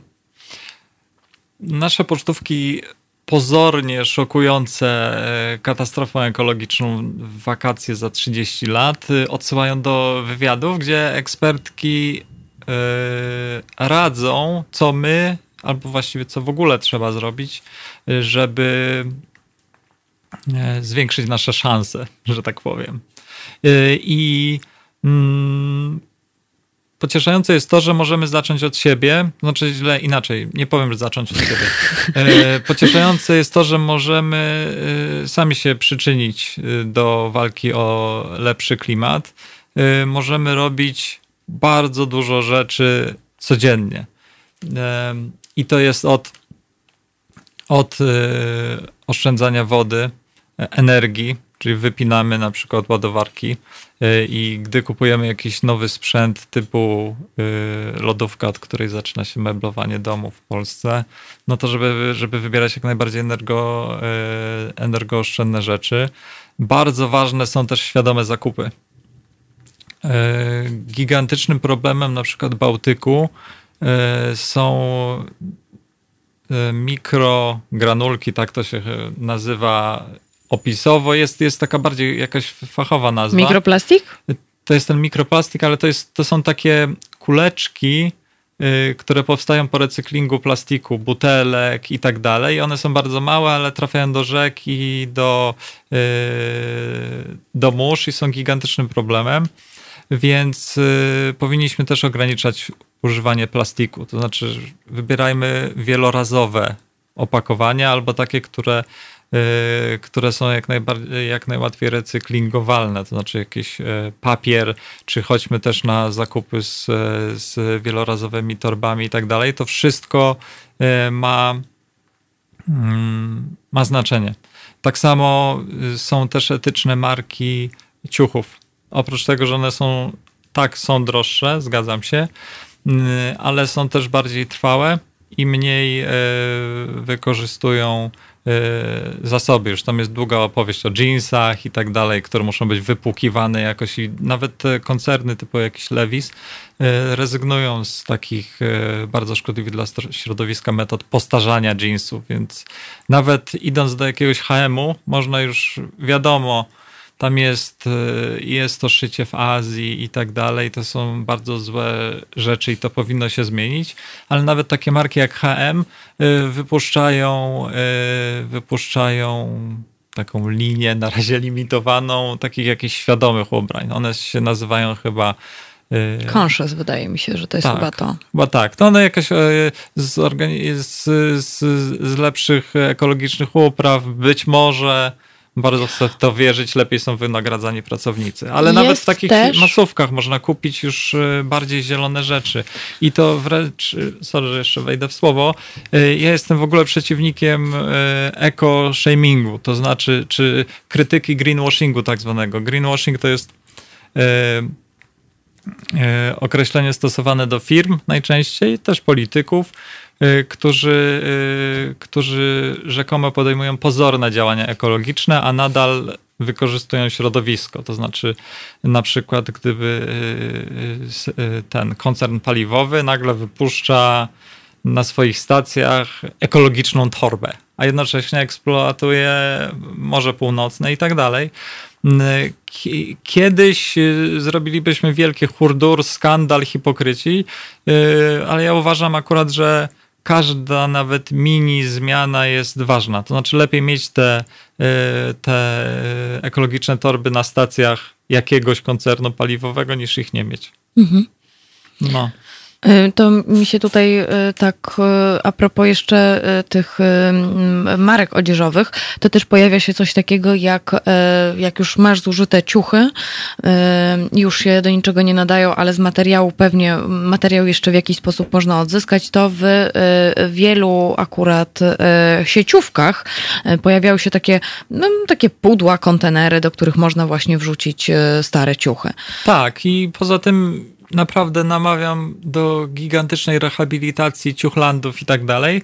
Moja żona i córka yy, głównie się tam ubierają yy, i wcale nie chodzą do jakichś hipsterskich yy, ciuchlandów z rzeczami od Dolce i Gabbany, gdzie wszystko kosztuje drożej niż nowe, tylko do takich, do takich normalnych. Ja bym też chodził, ale mają tam fatalny wybór mody męskiej. Prawie w ogóle nie ma koszulek piłkarskich używanych.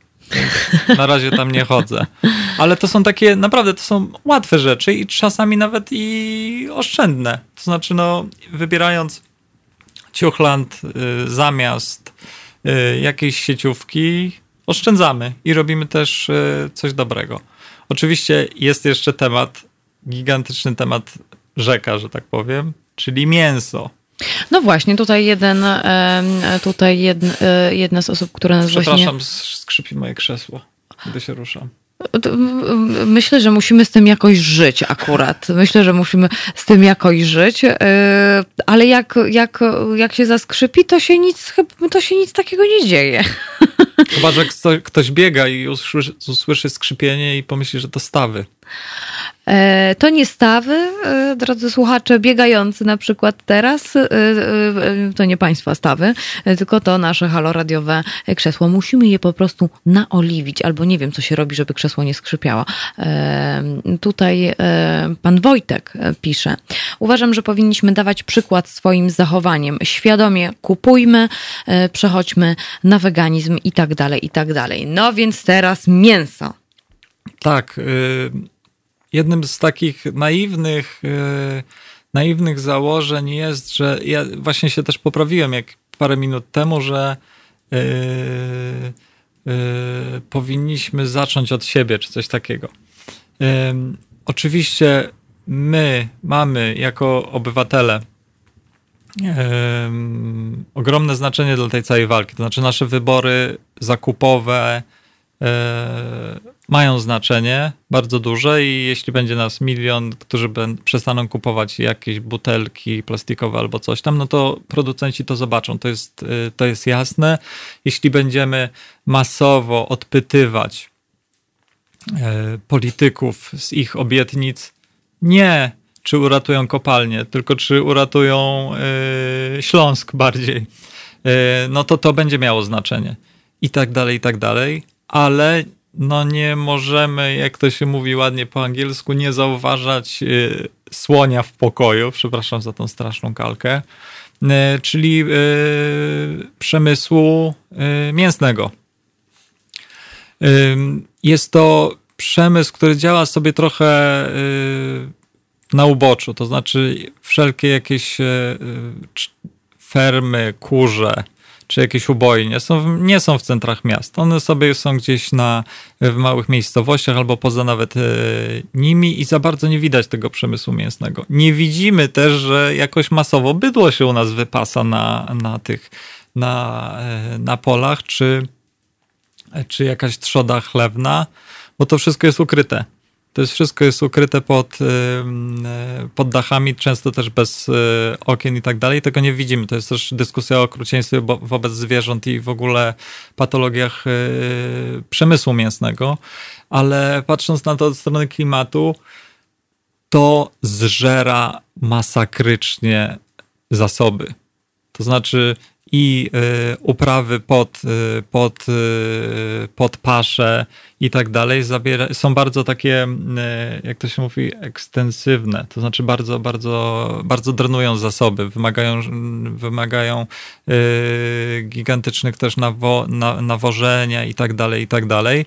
I produkcja mięsa kosztuje masę wody, masę węgla, masę prądu i na koniec jeszcze to później te odpady te porolnicze, przemysłowe spływają rzekami do y, Bałtyku i wtedy mamy sinice, więc oprócz, oprócz noszenia płóciennych toreb albo nawet wyszywania ich ze starych zasłon, czy oprócz sprawienia sobie wielorazowej butelki do wody i tak dalej, bardzo namawiam do zastanowienia się nad ograniczeniem jedzenia mięsa. I to nawet nie o to chodzi, że, że to jest zdrowe, bo to jest zdrowe, jeśli jest zrobione e, z głową, nie tak jak Filip Heiser, który mówi nagle nie je mięsa, więc zacznę jeść e, chleb z keczupem i nagle się orientuje po dwóch tygodniach, że ojej, mam mniej energii. Trzeba to zrobić z głową, ale to wszystko w internecie jest opisane i tak dalej trzeba ograniczać. Nawet nie, nie o to chodzi, żeby zrzucić wszystko, bo to może być szok, ale yy, trzeba ograniczać. Ja sam się przyznałem tutaj poza anteną, więc od razu powiem, jadłem, yy, jak pojechałem na wakacje, to zjadłem swój roczny zapas kiełbas, ale na co dzień, ale już wróciłem z wakacji, trwały szczęśliwie lub nieszczęśliwie zaledwie tydzień, yy, no to już mam tę dietę, gdzie mamy mniej mięsa. I to to ma znaczenie. E, tutaj pan Aleksander pisze, każdemu polecam e, zobaczyć przemysłową produkcję mięsa oraz ubojnie, wówczas większość zostanie wegetarianinami. E, no, to jest na przykład też jeszcze 10 lat temu nikt się nie przejmował, co się dzieje z, z kurami, drobiem, przy, jak produkowane są jajka. No ale nagle coś się stało, to znaczy i e, masa krytyczna została osiągnięta, czy to przez wiedzę ekspertów, nacisk organizacji, o tym, że się o tym w ogóle mówiło i regulacje też Unii Europejskiej. I nagle się okazało, że e, pół narodu odkryło, co to znaczy trójka na, e, na jajku. Nie? I hmm. nagle, i, i nagle po paru latach mamy w e, hipermarkecie mamy całą półkę jajek 0 e, i 1. Nie do pomyślenia po prostu 5-10 e, lat temu. Mnie na przykład strasznie wkurza, że idąc do sklepu, no bo tu mówimy na przykład o świadomych zakupach, idę do sklepu i już tak, już się nauczyłam, że jeżeli e, coś do picia, to w szkle. Natomiast e, strasznie irytujące jest to, e, ostatnio nawet takie śniadanie miałam, jest jogurt, który jest opakowany, jest opakowany tekturką. I że bio, i że, i że coś tam. No ale sam jogurt nie jest w tej tekturce, po prostu plastikowy kubeczek jest obtoczony tekturką. Nam się wydaje, że och, jemy tak super i w ogóle jesteśmy super dla środowiska i dla klimatu klimatu i dla wakacji 2050, a tu trzeba rozerwać, tekturkę tu, plastik tutaj, e, do, a propos segregacji śmieci, no i to jest po prostu bez sensu. E, I takie nabijanie kasy, och, strasznie jest to, och, irytuje mnie to bardzo. Tak, e, chociaż gdybyśmy się przyjrzeli, przyjrzeli temu jogurtowi, być może się okazało, że że on jest na przykład roślinny, nie? I to jest, no to są trudne wybory, to znaczy, no, yy, to jest takie trochę ważenie, nie? Czy jest tam, czy ta ekologiczność uzasadni się jakoś jest, jest spójna i tak dalej, nie? Ale to myślę, że też przemysł się tego, yy, tego uczy. To znaczy, nie, nie sądzę, żeby to była akurat jakaś zła wola tego, yy, tego producenta. Po prostu być może jeszcze nie wiedzą, jak się to naprawdę yy, powinno robić. Ale czytanie w ogóle, w ogóle moim marzeniem jest, e, jest taka informacja, żeby była na każdym opakowaniu. Dzisiaj mamy cukry, tłuszcze i tak dalej. Też kiedyś tego nie było. Wiemy, ile co ma kalorii, nie? To, to też nie do pomyślenia wcześniej. Co wyliczać kalorie? Ja jem ile chcę, y, a poza tym po prostu dobrze wyglądam, nie? Więc y, tak, ale mam marzenie, to może nie, ale chciałbym, żeby na każdym opakowaniu było napisany, był napisany koszt wytworzenia tego produktu, czy to w wodzie, czy to w węglu i sobie po prostu patrzysz, bierzesz karton soku e, i tam masz, wiesz, opakowanie to, nie wiem, 100, 100 litrów wody. Tyle kosztowało i ileś tam węgla. I bierzesz do ręki jakieś szklane coś i tam jest ten, możesz łatwo porównać. To znaczy, myślę, że to by pootwierało masę, wow, masę oczu. Pomysł. Gdyby tam jakieś, wiesz, mielony miałby koszt taki, a a jakaś tam mieszanka warzyw czy nawet ryb miałaby inny. To by to jest prosta rzecz do zrobienia. Ale bo myślę sobie, tak rozmawiamy y, jako o nas, o konsumentach, że możemy zacząć od siebie, że możemy na przykład y, ograniczyć mięso, nikt nikomu nie każe od razu nie jeść w ogóle albo zostać od razu weganinem. I od razu namawiam, ja też za, zareklamuję coś. Nie przyniosłem. Y, Marta Dymek, bardzo słynna blogerka, kulinarna blogerka, nie wiem czy ona tak się określa, ale jest, no wydała już kilka książek y, Jadłonomia, y, bardzo fajnych. Ona jest, y, ona promuje wegetariańskie rozwiązania, ale stworzyła dzieło, moja żona mówi epokowe. Ja też przychylam się do tego. Ona zrobiła jadłonomię po polsku, czyli powyciągała stare polskie przepisy, które nie mają mięsa.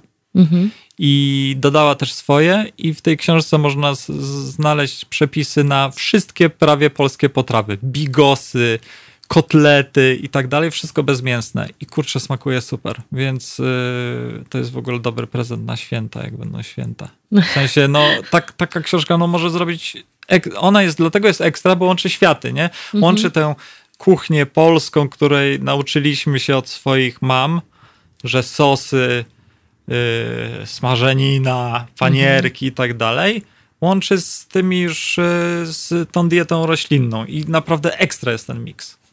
No tak, e, bo niektórych po prostu przeraża samo to, że ale bez mięsa właśnie, właśnie, że jak to bez mięsa, a, a można bez mięsa. I później jest takie, mm, mm, mm no nawet smaczne, albo, to znaczy trochę mnie bawi na przykład mówienie y, y, parówki wegańskie, jakby cały czas takie potwierdzanie, że coś musi mieć nawet w, w nazwie mięso, żeby tak. trochę przychylić, a z drugiej strony dlaczego po prostu nie powiedzieć, nie wiem, jakaś po prostu sojowa sojowa a, a trzeba pisać pasztet sojowy. E, sojowy syf. To znaczy, jeśli chodzi o pa, parówki, parówki sojowe, to one są... E, Pierwsze mi przyszło do głowy. Powiedziałbym, że to jest work in progress. To znaczy, one jeszcze szukają swojego właściwego smaku, ale rzeczywiście to jest też mega ciekawe zjawisko, nie? Że e, Chociaż ja oceniam ja akurat po, pozytywnie, że mamy polędwicę wegańską, że jakieś kotlety, bo to jednak trochę ludzi oswaja z tym, nie? Gdyby Chociaż z kotletami to bym nawet tak nie. Kotlety mnie akurat nie bawią, ponieważ są na przykład kotlety jajeczne się robiło. No tak. Więc jakby kotlet jako kotlet. Ziemniaczane jakieś No ale właśnie na przykład te, te wszystkie, e, te wszystkie e, właśnie polędwica chociażby, tak? No to, no to po co to nazywać polędwicą? Bez sensu. No, no jest szok kulturowy, zgadzam się. Bez sensu. E, no to tak, my jako obywatele, my jako, my jako jednostki mamy, mamy wpływ na klimat właśnie takimi niepozornymi działaniami, chociażby konsumenckimi, kąpaniem się, E, i tak dalej, o czym powiedzieliśmy, ale na przykład e, można, e, jakby my to my, ale a co z politykami? To politycy powinni o nas dbać. Tak, no, Płacimy im za to. Ostatnia kampania wyborcza pokazała, yy, że politycy. Hmm, hmm, bardzo się wsłuchują w, w lęki obywateli. Tylko, że yy, tym razem były to lęki przeciwko tak zwanej ideologii LGBT czy, yy, czy Niemcom, ale no to też jest w naszych rękach, to znaczy w naszych rękach wywieranie tej presji. To znaczy, jeśli jesteśmy na spotkaniach wyborczych, jako obywatele i mamy możliwość zadania pytania, no to pytajmy o klimat w tej kampanii e, klimat był podnoszony przez głównie przez kandydata lewicy i przez Szymona Hołownię. E, myślę, że to będzie coraz bardziej powszechne. I my, jako wyborcy, obywatele, powinniśmy ich pytać, e, czy to na tych spotkaniach wyborczych, czy to na ich E, na ich e, tych live chatach, na, czy, czy, czy transmisjach na Facebooku, e, czy gdziekolwiek, czy nawet jeśli tutaj byłby jakiś polityk, no to też słuchacze mogą i powinni dobijać się o to, więc to jesteśmy my. my powinniśmy tworzyć taką presję. Jako dziennikarze od razu powiem, że na przykład, no, to też jest dla nas pewne zadanie i to nawet nie o to chodzi, żeby być jakimś apostołem, bo mm, to już nie jest kwestia szajby jakiejś części, nie wiem, aktywistów czy coś, tylko no, zmiany klimatyczne są takim samym problemem jak dzisiaj COVID. To znaczy nikt nie kwestionuje, nie, dużo osób kwestionuje, że jest pandemia, umówmy się, e, ale to jest, to jest rzecz, na którą nie, już jakby czas dyskusji się skończył, w tym sensie, że nie, zamykamy nikomu ust, ale rozmawiać dzisiaj o tym, czy mamy kryzys klimatyczny nadchodzący, to, yy, to tak jakby otworzyć dzisiaj znów dyskusję, czy jest przemoc wobec kobiet, czy, czy, czy po prostu, czy mężczyźni są uprzywilejowani w naszym społeczeństwie. No to już jest bez sensu. Po co się cofać te yy, kilkadziesiąt lat yy, wstecz? Więc no, dziennikarze również, to znaczy powinni wrzucać te rzeczy. Wiadomo, jest ta stara gwardia jakaś, która zawsze będzie się bardziej jarać tym, czy, czy Ziobro wytnie Morawieckiego, czy Morawiecki yy, Ziobrę, ale kwestie klimatyczne powinny być tak samo, czy w debatach, czy w wywiadach, jak rozgrywki sejmowe, kurcze, stosunki z USA, Unią Europejską, czy cokolwiek innego. Yy, więc to to, oni Oczywiście znajdą się politycy, którzy sami wrzucą to do debaty, nie? Ale jeśli ludzie się nie będą upominać, no to polityk zawsze, znaczy większość polityków wybierze jakieś rozwiązanie e, dla niego łatwiejsze, jakiś temat, który, który bardziej grzeje, nie? I jeszcze jedną rzecz powiem. Bardzo mnie ciekawi wasza zbiórka, bo ta, e, ta liczba 20 miliardów e, złotych E, finansowana, jak rozumiem, przekazywana z budżetu w jakiś sposób tak, do, do, do Kościoła katolickiego, to jest niewiele mniej niż cały budżet Unii Europejskiej przeznaczony na reformę polskiego górnictwa do 2030 roku. Znaczy Unia Europejska daje na polskie kopalnie i właściwie na y, transformację, czyli rezygnację z, z, z węgla i tak dalej i przejście na bardziej jakieś zielone rozwiązania, na program społeczny i tak dalej, daje 8 miliardów euro. To jest no 30 miliardów złotych. Chociaż jeszcze, jeśli jeszcze dodamy do tego, że to 30 miliardów euro jest, y, złotych jest tylko dla rządu, który powie, że chce być zeroemisyjny, y, a nasz nie chce. Więc y, ten unijny budżet dla nas na dzisiaj będzie wynosić 10 y, miliardów złotych, więc y, dwa razy mniej niż, niż wasza suma. Ja myślę, że jeszcze tak przed końcem dodałabym tutaj, że chyba ważną rzeczą byłoby wprowadzenie żeby od małego już uczyć o klimacie i o tym, jak to jest ważne. Kiedyś rozmawiałam e, tutaj właśnie z e, dr Aleksandrą Kardaś, e, która jest właśnie współautorką książki Nauka o klimacie, którą Państwu pokazywałam to e, mówiła, że e, masowe mówienie i wprowadzanie do podręczników szkolnych informacji o tym, że jest dziura ozonowa i że nie wolno robić e, tam właśnie za, te dezodoranty, aerozole, nie aerozole, no to po prostu, ale, ale, ale chodzi po prostu o, o to, że jak można zmniejszyć dziurę ozonową i faktycznie takie wkładanie do głów a propos tego, że istnieje dziura ozonowa, e, przyniosło efekty i jest faktycznie mniejsza. Także e, myślę, że również rozwiązaniem byłoby jednak nacisk na polityków, e, żebyśmy mieli edukację w szkołach a propos, a propos katastrofy klimatycznej, a propos klimatu. Jak najbardziej. Jak najbardziej. Na szczęście i bez polityków się to dzieje. To znaczy, tak jak spoglądam przez, y, przez ramię swojej dwunastoletniej córce, która współdzieli ze mną y, konto na YouTubie i widzę, co ona ogląda, ale nie mówię jej tego. Nie, no mówię, wiadomo. Y, ona widzi z kolei, że ja oglądam FIFA 20 i World of Tanks, więc jest remis. Bardzo wiele idoli tych młodych ludzi, Polaków, Polek, bardzo mocno podnosi kwestie klimatyczne. W sensie ta y, mega popularna Billie Eilish, bardzo zielona i namawia do, y, do weganizmu wręcz. Y, dla starszych fanów jest oczywiście y, Natalia Przybysz. Masę rzeczy jest, zgaduję też, że Maja Ostaszewska, ale to nie mówimy już, odbiegamy od młodych, nie? Ale tam z kolei to, to nie jest przypadek, że Greta Thunberg jest najgłośniejszą aktywistką na świecie ekologiczną, bo ich to naprawdę yy,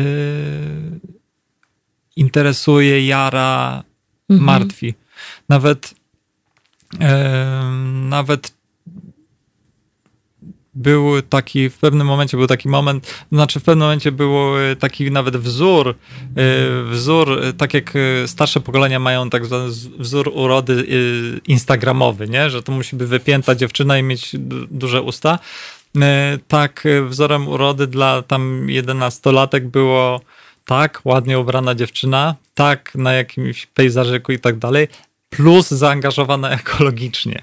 Więc to już kiedy bycie hot oznacza być zaangażowanym ekologicznie, no to naprawdę mam tu pewne, napawa to trochę optymizmu, o, jeśli chodzi o no, młodych. No, to super, Więc, to super. Y, I to jest, y, no tam to bardzo rezonuje, to znaczy wśród młodych. Oczywiście nie wszystkich, no bo wiadomo, wartości wynosi się z domu, ale, ale no tam to siedzi, to znaczy tam to jest problem oprócz tego, że szkoła jest niesprawiedliwa, to jeszcze katastrofa ekologiczna jak najbardziej tak.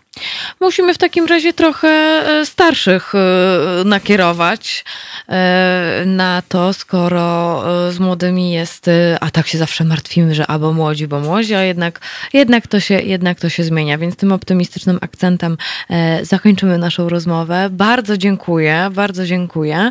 dziękuję moim, również. Moim i Państwa gościem Rafał Madajczak z gazety.pl, portal dla klimatu. Cały czas odsyłam Państwa, żeby sobie zerknęli Państwo na te pocztówki wakacyjne, pozdrowienia z wakacji 2050 gazety.pl, portalu dla klimatu. E, daje to do myślenia. Proszę również podrzucać innym, a jeżeli uważają Państwo, że nasza rozmowa komuś mogłaby nieco otworzyć oczy i by stał się bardziej wrażliwy e, właśnie na przestrzeń dookoła nas, tą poza murami domów, po, poza murami biur, e, to koniecznie w podcaście proszę podesłać. Będzie on na pewno dostępny już jutro. E, ja się z Państwem jeszcze nie żegnam. E, zostawiam Państwa z, zostawiam Państwa z Jugotonem i Kazikiem, czyli Malczyki i, i słyszymy się już za moment, bo za chwilę będziemy oddawać krew honorowo i masowo. Tak sobie wymyśliłam dzisiaj. No to dobra, no to słyszymy się za moment. Słuchajcie powtórki programu. Halo Radio. Pierwsze radio z wizją.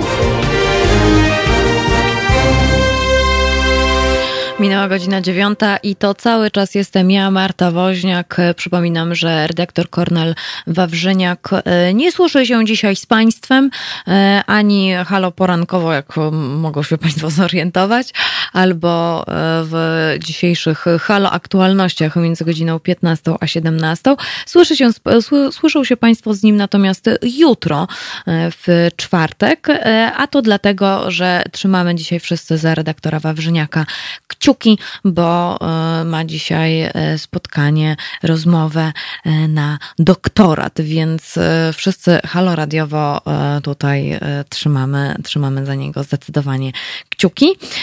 Jestem z Państwem do godziny 9.45. Widzę, że tutaj temat mięsa bardzo Państwa rozgrzał. Nie obrażajmy się na niejedzenie mięsa. Kiedyś jakoś się jadło go mniej i wszystko było w porządku.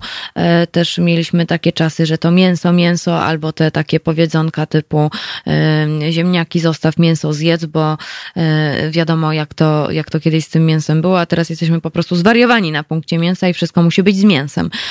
Powiem Państwu, że Argentyna to na przykład nie jest kraj dla wegetarian, bo tam mięso jest tańsze niż warzywa, więc jest ciężko na pewno im, e, e, ale, ale da się jakoś, da się jakoś zorganizować. Mm, To tak, to teraz, proszę Państwa, robimy kolejną dobrą rzecz. Jak już trochę wiemy, jak z tym klimatem i będziemy cały czas, cały czas trąbić, żeby jednak to są postawy obywatelskie, to jest dbanie o naszych sąsiadów, o naszych krewnych, o naszych bliskich, którzy mogą być na drugim końcu Polski, ale jednak są pewne rozwiązania. My, jako konsumenci, możemy robić każdego dnia, żeby dla klimatu Polska 2050 nie wyglądała tak, jak w pocztówkach kampanii Gazety.pl, portalu dla klimatu. Natomiast teraz, proszę Państwa, rzecz paląca i nagła, tak samo jak katastrofa ekologiczna, a mianowicie honorowe dawstwo krwi. I już jestem na łączach z Marcinem Lesiakiem. Halo, halo, słyszymy się? Halo, halo. Dzień dobry, witam panią, pani redaktor, witam słuchaczy Witam serdecznie. Tak, tak, słyszymy się, słyszymy się. Mamy chyba opóźnienie, e, ale to nic. To nic, nic, nic się takiego nie dzieje. E, proszę Państwa, Marcin Lesiak, honorowy krwiodawca i też popularyzator krwiodawstwa. E, mogą Państwo zerknąć na stronę facebookową lub na stronę krwiodawcy.org. Tam są informacje, kto może być, kto nie może być, jak wygląda sytuacja krwiodawstwa, dlaczego krew jest potrzebna, różnego różnego rodzaju informacje praktyczne. Natomiast e, moje pierwsze pytanie, e, panie Marcinie, e, ile, ile razy oddawał pan już krew? Nie wiem, czy mnie było słychać, a więc przywitam się jeszcze raz. Witam słuchaczy Halo Radia. Krew oddaję od 2006 roku i staram się to robić regularnie. Na koncie mam około, no nie liczę, ale około 60 donacji Większość z tych donacji to są oddania krwi pełnej, natomiast y, cztery donacje zdarzyły mi się, że oddawałem osocze. Po przeliczeniu razem to jest około 25 litrów krwi, także jeszcze wiele przede mną. Wow, a kiedy był ostatni y, Pana raz, kiedy Pan oddawał krew? Yy, ostatni raz oddawałem krew mm, dokładnie dwa tygodnie temu i to dokładnie właśnie w środę.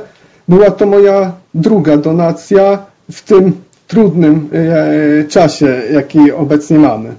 Podczas pandemii, e, w tym zwiększonym reżimie sanitarnym. E, a jakoś się różni oddawanie krwi właśnie teraz, a wcześniej? Musi się różnić. Tak samo placówki publicznej służby krwi, jak i inne placówki służby zdrowia musiały wprowadzić dodatkowe procedury, które y, zagwarantują bezpieczeństwo dawcom podczas oddawania i należą do nich y, na przykład rejestracja wizyty na konkretną godzinę, czyli logujemy się przez internet albo dzwonimy telefonicznie do rejestracji i umawiamy się na konkretną godzinę, co pozwala na to, aby rozładować kolejki i aby dawcy niepotrzebnie nie mieli styczności przez tak długi okres czasu. Dodatkowo na przykład tak samo należy zachowywać 2 metry odstępu przed wejściem do centrum krwiodawstwa, czy oddziału terenowego, czy mobilnego punktu krwiodawstwa mamy mierzoną temperaturę. Y, do środka są wpuszczane pojedyncze osoby, czyli nie wchodzimy grupą, tylko czekamy przed punktem. Mamy dodatkowo punkty dezynfekcji rąk. No i oczywiście oddajemy krew y, w maseczkach. No i niestety musiała być wprowadzona również dodatkowa ankieta dotycząca pobytu za granicą, za granicą i naszego stanu zdrowia. Mhm. Mhm. E, tutaj e, jeden z naszych słuchaczy mówi, że różnica jest też taka, że dłużej się czeka na oddanie krwi. Przynajmniej u mnie w Mielcu. Czy w Toruniu też e, się dłużej czeka? Nie, nie zauważyłem. Zwłaszcza, że ja yy, zawsze przycwaniakuję i wybieram się właśnie w środę albo w czwartek, wtedy kiedy nie masz tak dużych kolejek. O, to Natomiast w piątek wiadomo, no jest, jest trudno. E, to w takim razie dobra informacja dla tych, którzy chcieliby oddać krew. Dzisiaj, proszę Państwa, jest na przykład środa, jutro jest czwartek, więc nie będzie kolejek. Więc Panie Michale, może akurat na przykład dzisiaj się uda, udałoby oddać krew.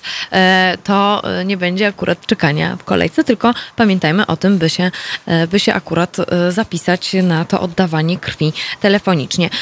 Kiedy umawialiśmy się na rozmowę, powiedział Pan coś, co mnie właściwie zaniepokoiło, bo powiedział Pan, że honorowym krwiodawstwem zajmuje się Pan właściwie po godzinach, hobbystycznie i że no nie wiadomo, nie wiadomo, czy, czy, czy damy radę dzisiaj porozmawiać, ale szczęśliwie się udało.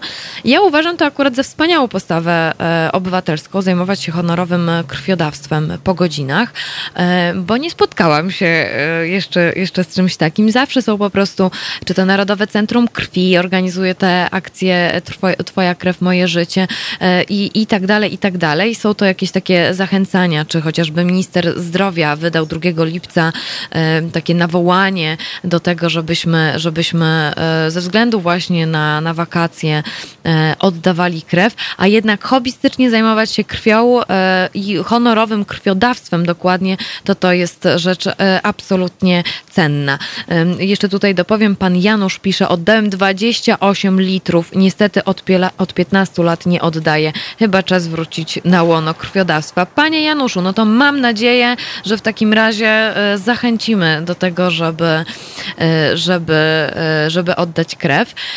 Ale panie, panie Marcinie, mam do pana pytanie. Dlaczego tak ważne jest oddawanie krwi teraz, właśnie w tym tygodniu, dzisiaj, w wakacje? Y, pani redaktor, tak naprawdę oddawanie krwi jest ważne przez cały rok. Natomiast rzeczy, rzeczywiście w wakacje i to co roku występuje ten problem zwiększonych braków krwi. Na te braki w okresie wakacyjnym ma wpływ y, kilka czynników. Po pierwsze, przemieszczanie się dawców. Wiadomo, zaczyna się okres urlopowy i kiedy to ludzie po prostu nie myślą y, może o takich rzeczach nie dotyczących ich, a myślą o wypoczynku. Przez cały rok pracowali, chcą odpocząć Niekiedy przyczyną taką jest zwiększona liczba, liczba wypadków. Bez znaczenia nie ma także brak możliwości organizowania akcji poboru krwi w szkołach czy na uczelniach wyższych. Wiadomo, w wakacje one y, nie, nie, są otwarte i przez to nie można też y, zebrać krwi na, na, na tych instytucjach. Natomiast i Ministerstwo Zdrowia i Narodowe Centrum Krwi stara się zrobić wszystko, co tylko się da, aby taką krew dla pacjentów zabezpieczyć. Dlatego tak wa ważne jest oddawanie krwi w wakacje, ponieważ dramatycznie spada wtedy, no może dramatycznie nie, ale spada liczba krwiodawców. Pojawia się y, y, problem na przykład z zabezpieczeniem odpowiedniej ilości krwi nawet dla pacjentów, którzy czekają na planowaną operację. Dlatego stale, a w okresie wakacji tak bardzo y, zwiększoną aktywnością zachęcamy do oddawania krwi. Naprawdę jest to piękna idea, która może pomóc ratować nie tylko ludzkie zdrowie, ale również i życie.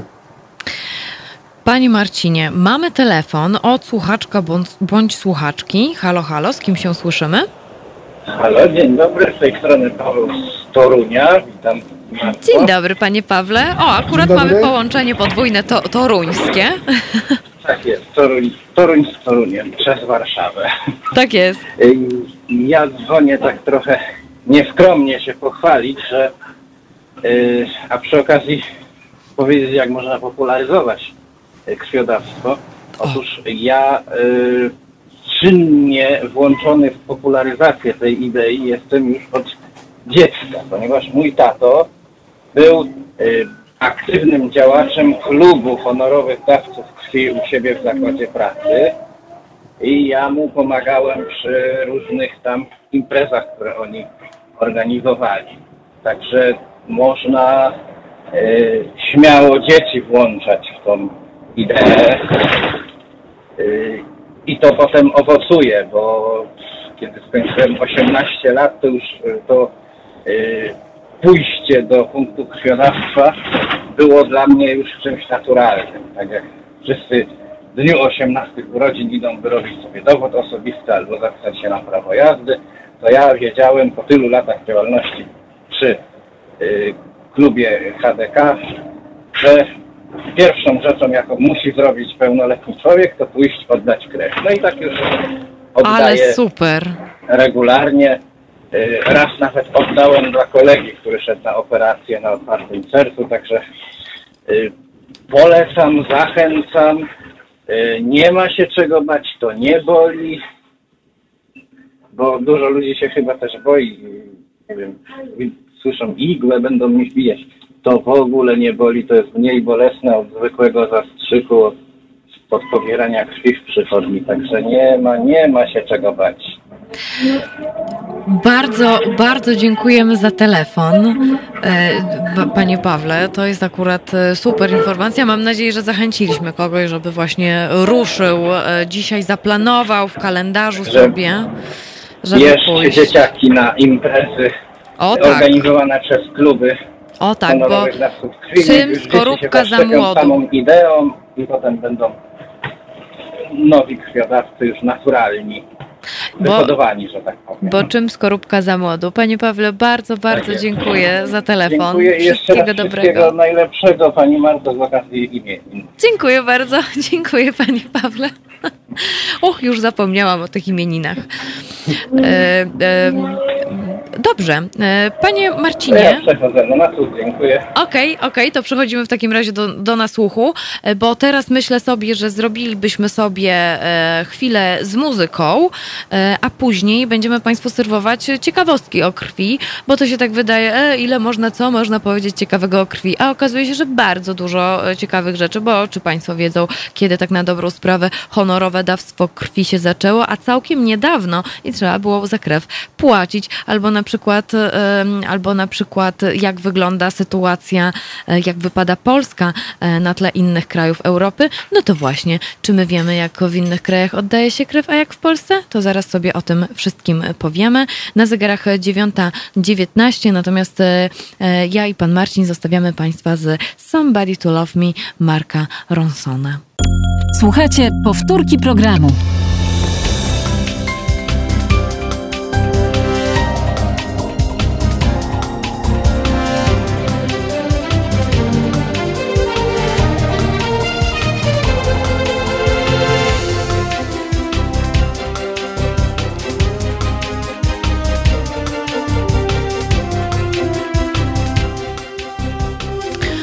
Wracamy do naszego tematu krwiodawstwa honorowego. Cały czas z nami na łączach jest Marcin Lesiak z krwiodawcy.org. Hobbystyczny, e, honorowy krwiodawca e, i popularyzator krwiodawstwa. E, widzę, że tutaj Państwo się cały czas dołączają do tego, kto ile oddaje krwi. Bardzo, bardzo mnie to cieszy. To jest super. Proszę się chwalić. Chwalić się musimy cały czas zdecydowanie. E, No i tutaj też bardzo dziękuję panu Pawłowi za telefon. E, Serdecznie, serdecznie pozdrawiam i kłaniam się nisko, chociaż podobno w radiu nie wolno, nie wolno. A co nie wolno, tam e, tyle rzeczy nie wolno, to e, wiadomo, że wolno. E, A przede wszystkim wolno i należy, a właściwie jest to nasz obowiązek, obowiązek, tak moralnie po prostu chodzić i oddawać krew, oczywiście ci, którzy mogą. No to, ale to jakby zacznijmy od ciekawostek. Panie Marcinie, proszę powiedzieć, od czego właściwie zaczęło się to honorowe dawstwo krwi? Kiedy, kiedy to się pojawiło? Y, To znaczy, jeżeli chodzi o samo krwiodawstwo, to jest ono już znane od, chyba taką datą ważną jest 1901 rok, kiedy to Karl Landsteiner, nie wiem czy dobrze wymawiam, y, odkrył w ogóle istnienie grup krwi. To pozwoliło, y, że wszystkie takie zabiegi testowe, że tak powiem, y, pierwsze przetoczenia, transfuzje krwi zaczęły przynosić y, efekt pozytywny. Wcześniej nie znano, nie wiedziano, że grupy krwi są różne u, każdy, y, u danych osób, przez co przetoczano złą grupę krwi, no i niestety kończyło się to śmiercią pacjentów. To właśnie ten naukowiec, że tak powiem, stworzył podwaliny do tego, że y, zaczęto myśleć w ogóle o tym, żeby leczyć ludzi krwią. Nie bez, znaczenia, nie bez znaczenia ma także praca naszego naukowca Ludwika Hirschfelda, który w 1907 roku oznaczył grupy krwi i tak do dzisiejszego dnia używamy tego odznaczenia i wszystkim są pewnie znane, że mamy grupę krwi 0, A, B i AB. Y, jeżeli chodzi o samo honorowe krwiodawstwo, to rzeczywiście, tak jak Pani wspomniała, widziałem Pani redaktor na Facebooku, Anglicy za, y, rozpoczęli to w trakcie pierwszej y, wojny światowej, kiedy to ich żołnierze potrzebowali na froncie krwi w związku z dużą liczbą, że tak powiem, dużych ran i masywnych krwotoków. Wtedy to właśnie się zaczęło takie honorowe krwiodawstwo. Wtedy y, obywatele angielscy zaczęli oddawać y, dla żołnierzy krew. Natomiast w Polsce, na naszym podwórku, y, początki krwiodawstwa mają, sięgają tak 1935 roku, kiedy to w naszym kraju, w Warszawie, powstał Instytut Przytoczania i Konserwacji Krwi przy Szpitalu Głównym PCK. Co ciekawe, na początku całe krwiodawstwo y, organizowała właśnie ta najstarsza organizacja humanitarna, a więc Polski Czerwony Krzyż. Y, tak jak pani wspomniała, y, nie zawsze krwiodawstwo było honorowe. Wcześniej za oddanie krwi otrzymywało się wynagrodzenie. Nie było to duże wynagrodzenie, bo za 1 ml krwi otrzymywało się jedną złotówkę. O! Ale y, tak, co, ale już były jakieś początki tego krwiodawstwa w Polsce. W kolejnych latach powstawały kolejne ośrodki oraz y, stacje krwiodawstwa. No i niestety Y, tą rozbudowę przerwała druga wojna, wybuch II wojny światowej. Wtedy, no niestety, były ważniejsze rzeczy y, do myślenia, do działania. I dopiero po wojnie światowej od 1945 roku ponownie zaczęto tworzyć stacje y, krwiodawstwa. Już trzy lata po zakończeniu wojny było osiem takich stacji krwiodawstwa. Zauważono również, że y, coraz więcej osób pyta się właśnie o honorowe dawstwo krwi. Przyjmuje się, że taką datą, y, datą, która przeważyła o tym, że y, nastąpiło przejście z krwiodawstwa płatnego na honorowe, to były wydarzenia, które odbyły się na Węgrzech w 1956 roku, kiedy wiadomo, w trakcie y, zamieszek, zamieszek to złe słowo, w trakcie powstania y, doszło do bardzo dużego rozlewu krwi i wtedy to węgierski Czerwony Krzyż zwrócił się do innych organizacji z podznaku Czerwonego Krzyża o pomoc właśnie w zbieraniu, w zbiórce krwi. Polski Czerwony Krzyż odpowiedział na ten apel i to bardzo dużo osób odpowiedziało, bo z tego co znalazłem y, informacje w, y, w, takich historycznych dokumentów, ponad 11 tysięcy krwiodawców odpowiada, odpowiedziało na ten apel. I zauważono, że y, krew uzyskiwana od honorowych dawców krwi, że tak powiem, może skutecznie zabezpieczyć szpitale w odpowiednią jej ilość, i dlatego od 1958 roku to jest właśnie data, kiedy y, datuje się początek honorowego krwiodawstwa. Zaczęto odchodzić od płatnego dawstwa na rzecz właśnie dobrowolnego dawstwa, gdzie dawca nie otrzymuje już ekwiwalentu pieniężnego. A propos, a propos tych żołnierzy brytyjskich, e, o, której tutaj pan, o których tutaj pan wspominał, to e, przypomina mi się taka książka e, Czerwony Rynek amerykańskiego dziennikarza. Ona jest, została wydana lata temu nakładem wydawnictwa Czarne, Cormac McCarthy. I właśnie on opisuje tę historię z brytyjskimi żołnierzami. I to był nawet taki element propagandowy Przyłączajcie się, bo nasi tutaj w boju, na froncie i jeżeli będziecie oddawać honorowo krew, to znaczy, że jesteście patriotami, przysłużycie się po prostu ojczyźnie. I chyba już od tamtego czasu e, tak, tak mniej więcej zostało, e, co, jest, e, co jest chwalebne.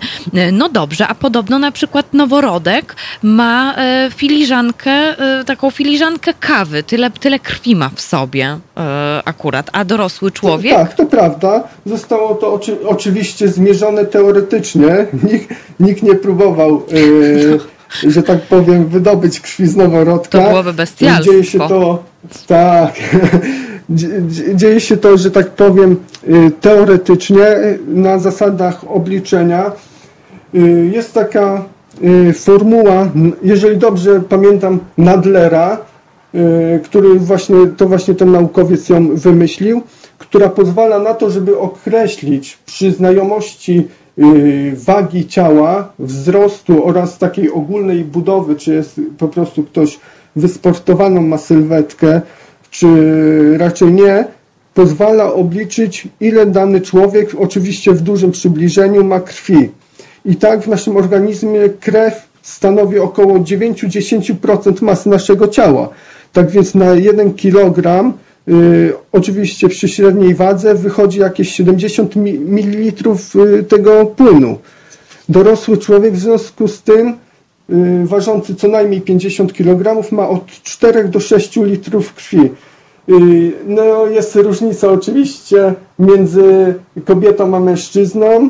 Przyjmuje się i z obliczeń również to wychodzi, że kobieta tak ma około 1 litra krwi mniej niż mężczyzna. I warto również zauważyć, y, że, y, że ta formuła Nadlera pozwala bardzo dobrze również obliczyć, ile krwi przykładowo pacjent potrzebuje, na przykład, który stracił y, w wyniku wypadku tej, tęże krew.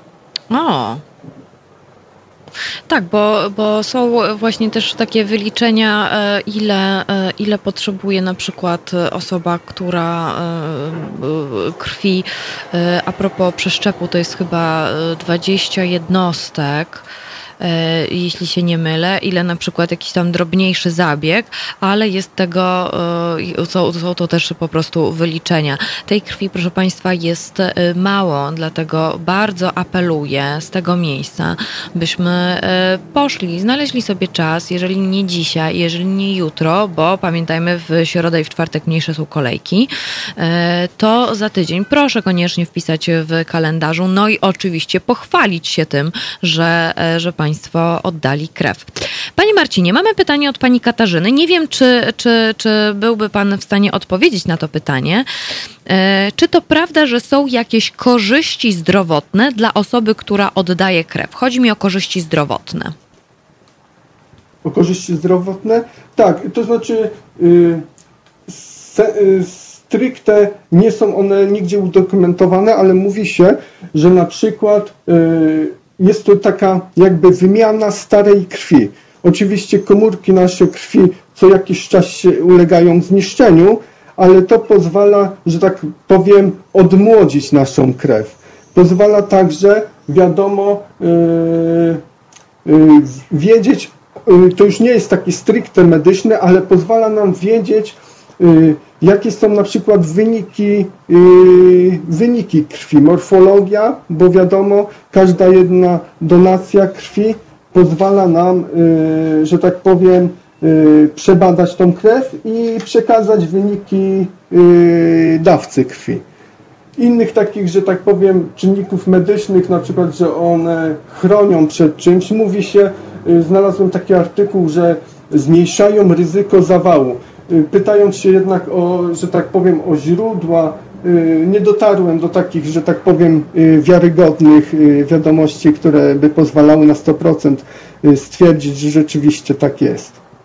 A proszę powiedzieć w takim wypadku, jak Polska wypada na tle innych krajów Europy, jeżeli chodzi o, o krwiodawstwo, jeżeli chodzi o honorowe krwiodawstwo, bo a podobno w ogóle, e, na przykład będąc w Stanach Zjednoczonych i chcąc oddać krew, nie możemy, ponieważ jesteśmy Europejczykiem. Y, to znaczy, y, pierwsza zasada jest taka, że każdy kraj ma swoje własne przepisy, jeżeli chodzi o znajomość języka. I na przykład w Polsce również jest, y, również jest taki wymóg, gdyż aby oddać krew w Polsce, należy biegle posługiwać się językiem polskim zarówno w mowie i piśmie. Jest to zapisane w ustawie o, o publicznej służbie krwi i może to również być zastosowane w innych krajach, tyle że na że tak powiem, dotyczące ich języka i to może być powód. Drugim powodem są y, podróże i możliwość przeniesienia zakażenia z danego, z danego terytorium. I my również mamy taką listę. Jest ona tworzona y, przez kilka instytucji, przesyłania do poszczególnych centrów krwiodawstwa i również mamy y, listę krajów, z których po prostu po powrocie albo po przyjeździe, z których no niestety przez określony czas nie możemy oddawać krwi. Hmm. To akurat e, ciekawe. Czy mamy jeszcze jakąś ciekawostkę, taką z mm, tym czerwonym, wspaniałym, życiodajnym płynem? To znaczy, o tyle nie może ciekawostkę, co bardzo chętnie bym powiedział o tych y, no, mitach, stereotypach o, takich, o. które się przy, że tak powiem, przykleiły do oddawania krwi i, niektórzy, i niektóre osoby, które usłyszały, je, usłyszały taki mit, mogą po prostu y, być zniechęcone do oddawania krwi, a są to całkowicie y, niepoparte żadnymi, że tak powiem, podsta podstawami naukowymi, jakieś, że tak powiem, utarte takie stereotypy, które nie to mają. To odczarujmy je w takim wypadku. A więc tak, po pierwsze, Y, często się spotykam, bo wiadomo, spotykam się również z dawcami, tak jak pan, ten pan, który do nas, y, do Państwa dzwonił. I no do nas, tej, do nas, do tym, nas, żeby, pan Paweł. o tym, żeby zarażać młodych ludzi y, ideą krwiodawstwa. I ja w ramach projektu Młoda Krew Ratuje Życie odwiedzam szkoły średnie i rozmawiam z uczniami. I na przykład pierwszy taki główny, że w czasie oddawania krwi można się zarazić. Proszę Państwa, nie ma w ogóle takiej możliwości. Cały sprzęt, który jest używany do poboru krwi, jest y, sprzętem jednorazowego użytku. Y, wszystkie osoby, które dokonują poboru krwi, badają nas. Na każdym etapie oddawania krwi są specjalnie przeszkolone, także nie ma jakiegokolwiek, że tak powiem, zagrożenia y, czy możliwości zarażenia się czymkolwiek. Druga rzecz, oddawanie krwi uzależnia. Mówi się, że jak się raz odda, to trzeba oddawać do końca życia. Nie, proszę Państwa, również to nie jest prawdą. Można w każdej chwili przerwać oddawanie krwi. Oczywiście bez powodu ja y, bardzo proszę, żeby nie robić tego, bo krew jest potrzebna i super jest, że Oho, czyżby nam postraciło się połączenie? A akurat y, na zegarach 9.42. Czy pan. Czy pa... No, o. Tak? Y, y, przerwało nam na momencik. Aha. Sam miałem przerwę w oddawaniu krwi i proszę Państwa, nic się nie działo. Nie było żadnych, jak to niektórzy już naprawdę, że tak powiem, wyolbrzymiają, że na ciśnienie jakieś powstaje, że krew z nosa później i uszami będzie lecieć. Proszę Państwa, są to całkowite mity, które z rzeczywistością nie mają kompletnie nic wspólnego. O, no właśnie, tutaj też pan przykład, Michał... Y, mhm. Mitem jest na przykład... Yy, kontaktował ze mną się dawca i mówi, on nie ma określonej grupy krwi, więc na razie nie przyjdzie oddać yy, krwi.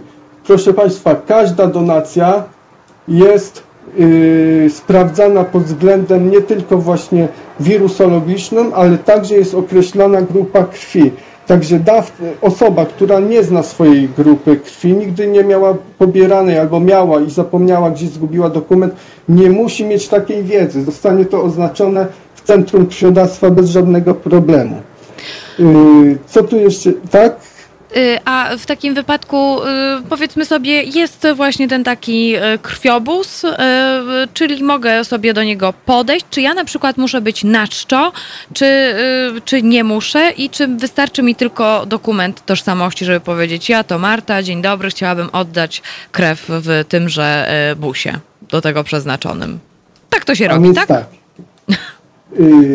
Pierwsza zasada, nie przychodzimy na czczo. Na czczo przychodzimy do poboru krwi do badań. Czyli jeżeli tam morfologię chcemy sprawdzić sobie, natomiast y, do oddania krwi przychodzimy po lekkim, lekkostrawnym posiłku, y, beztłuszczowym. Najlepiej także dzień wcześniej nie jeść żadnych pożywień, które, że tak powiem, zawierają wiele tłu- tłuszczu, ponieważ wtedy osocze, ta płynna, że tak powiem, y, płynna y, y, część, taka, y, gdzie stanowi 90% woda, y, ono jest bardzo przetłuszczone i takie osocze później nie nadaje się, y, że tak powiem, do użytku. Natomiast to, czy możemy tak sobie wejść z drogi, jeżeli wcześniej nie oddawaliśmy krwi lub oddawaliśmy krew, ale minął już termin przerwy między donacjami, bo jest to również określone, że nie możemy zbyt często oddawać krwi, to możemy, jeżeli mamy tylko dowód osobisty, możemy wejść do takiego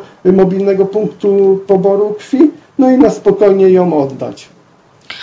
Panie Marcinie, czas już nam się skończył. Pewnie moglibyśmy jeszcze trochę rozmawiać o krwi, ale będziemy apelować haloradiowo o to, by Państwo się udawali do swoich regionalnych centrów krwiodawstwa i krwiolecznictwa, żeby tutaj e, oddać honorowo krew i przyczynić się i zrobić coś dobrego. A poza tym dostają później Państwo czekoladę i to jest super.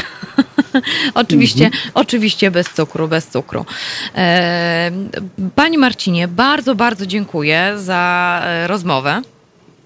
To ja bardzo dziękuję za zaproszenie i zachęcam każdy, kto może i nie ma przeciwwskazań do oddawania krwi, żeby oddawał krew i dzielił się swoją cząstką z innymi.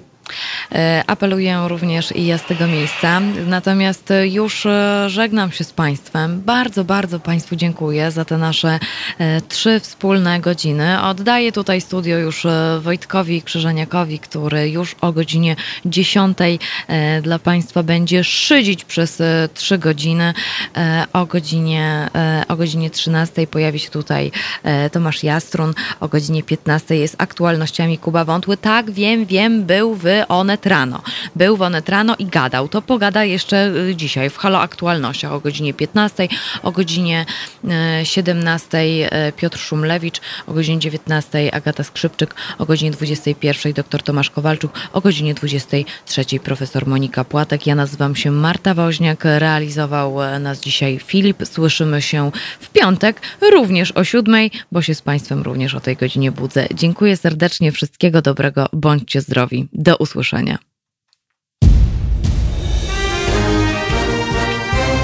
Halo Radio.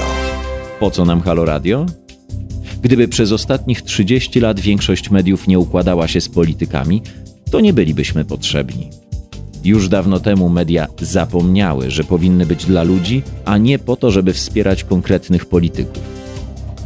W Halo Radiu wierzymy w etos pracy dziennikarza oraz w to, że media nie mogą opowiadać się za jakąkolwiek partią ani politykiem, ani schlebiać waszym prywatnym politycznym sympatiom.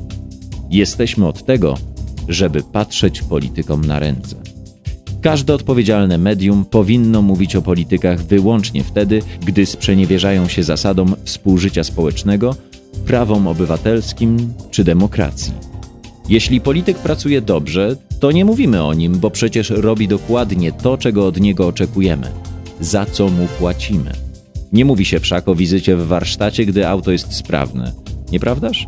Media muszą być krytyczne wobec wszystkiego i wszystkich, taka powinna być ich rola. Drodzy Państwo, nie oczekujcie od nas, że będziemy przychylni Waszym politycznym wyborom. Będziemy natomiast mozolnie szukać dziury w całym. Po 30 latach polityczno-medialnego bagna to właśnie chcemy robić i robimy. I dlatego prosimy Was o stałe wspieranie naszej działalności www.halo.radio ukośnik SOS. Dziękujemy i życzymy dobrego odbioru Halo Radia, pierwszego medium obywatelskiego dla myślących i krytycznych Polaków.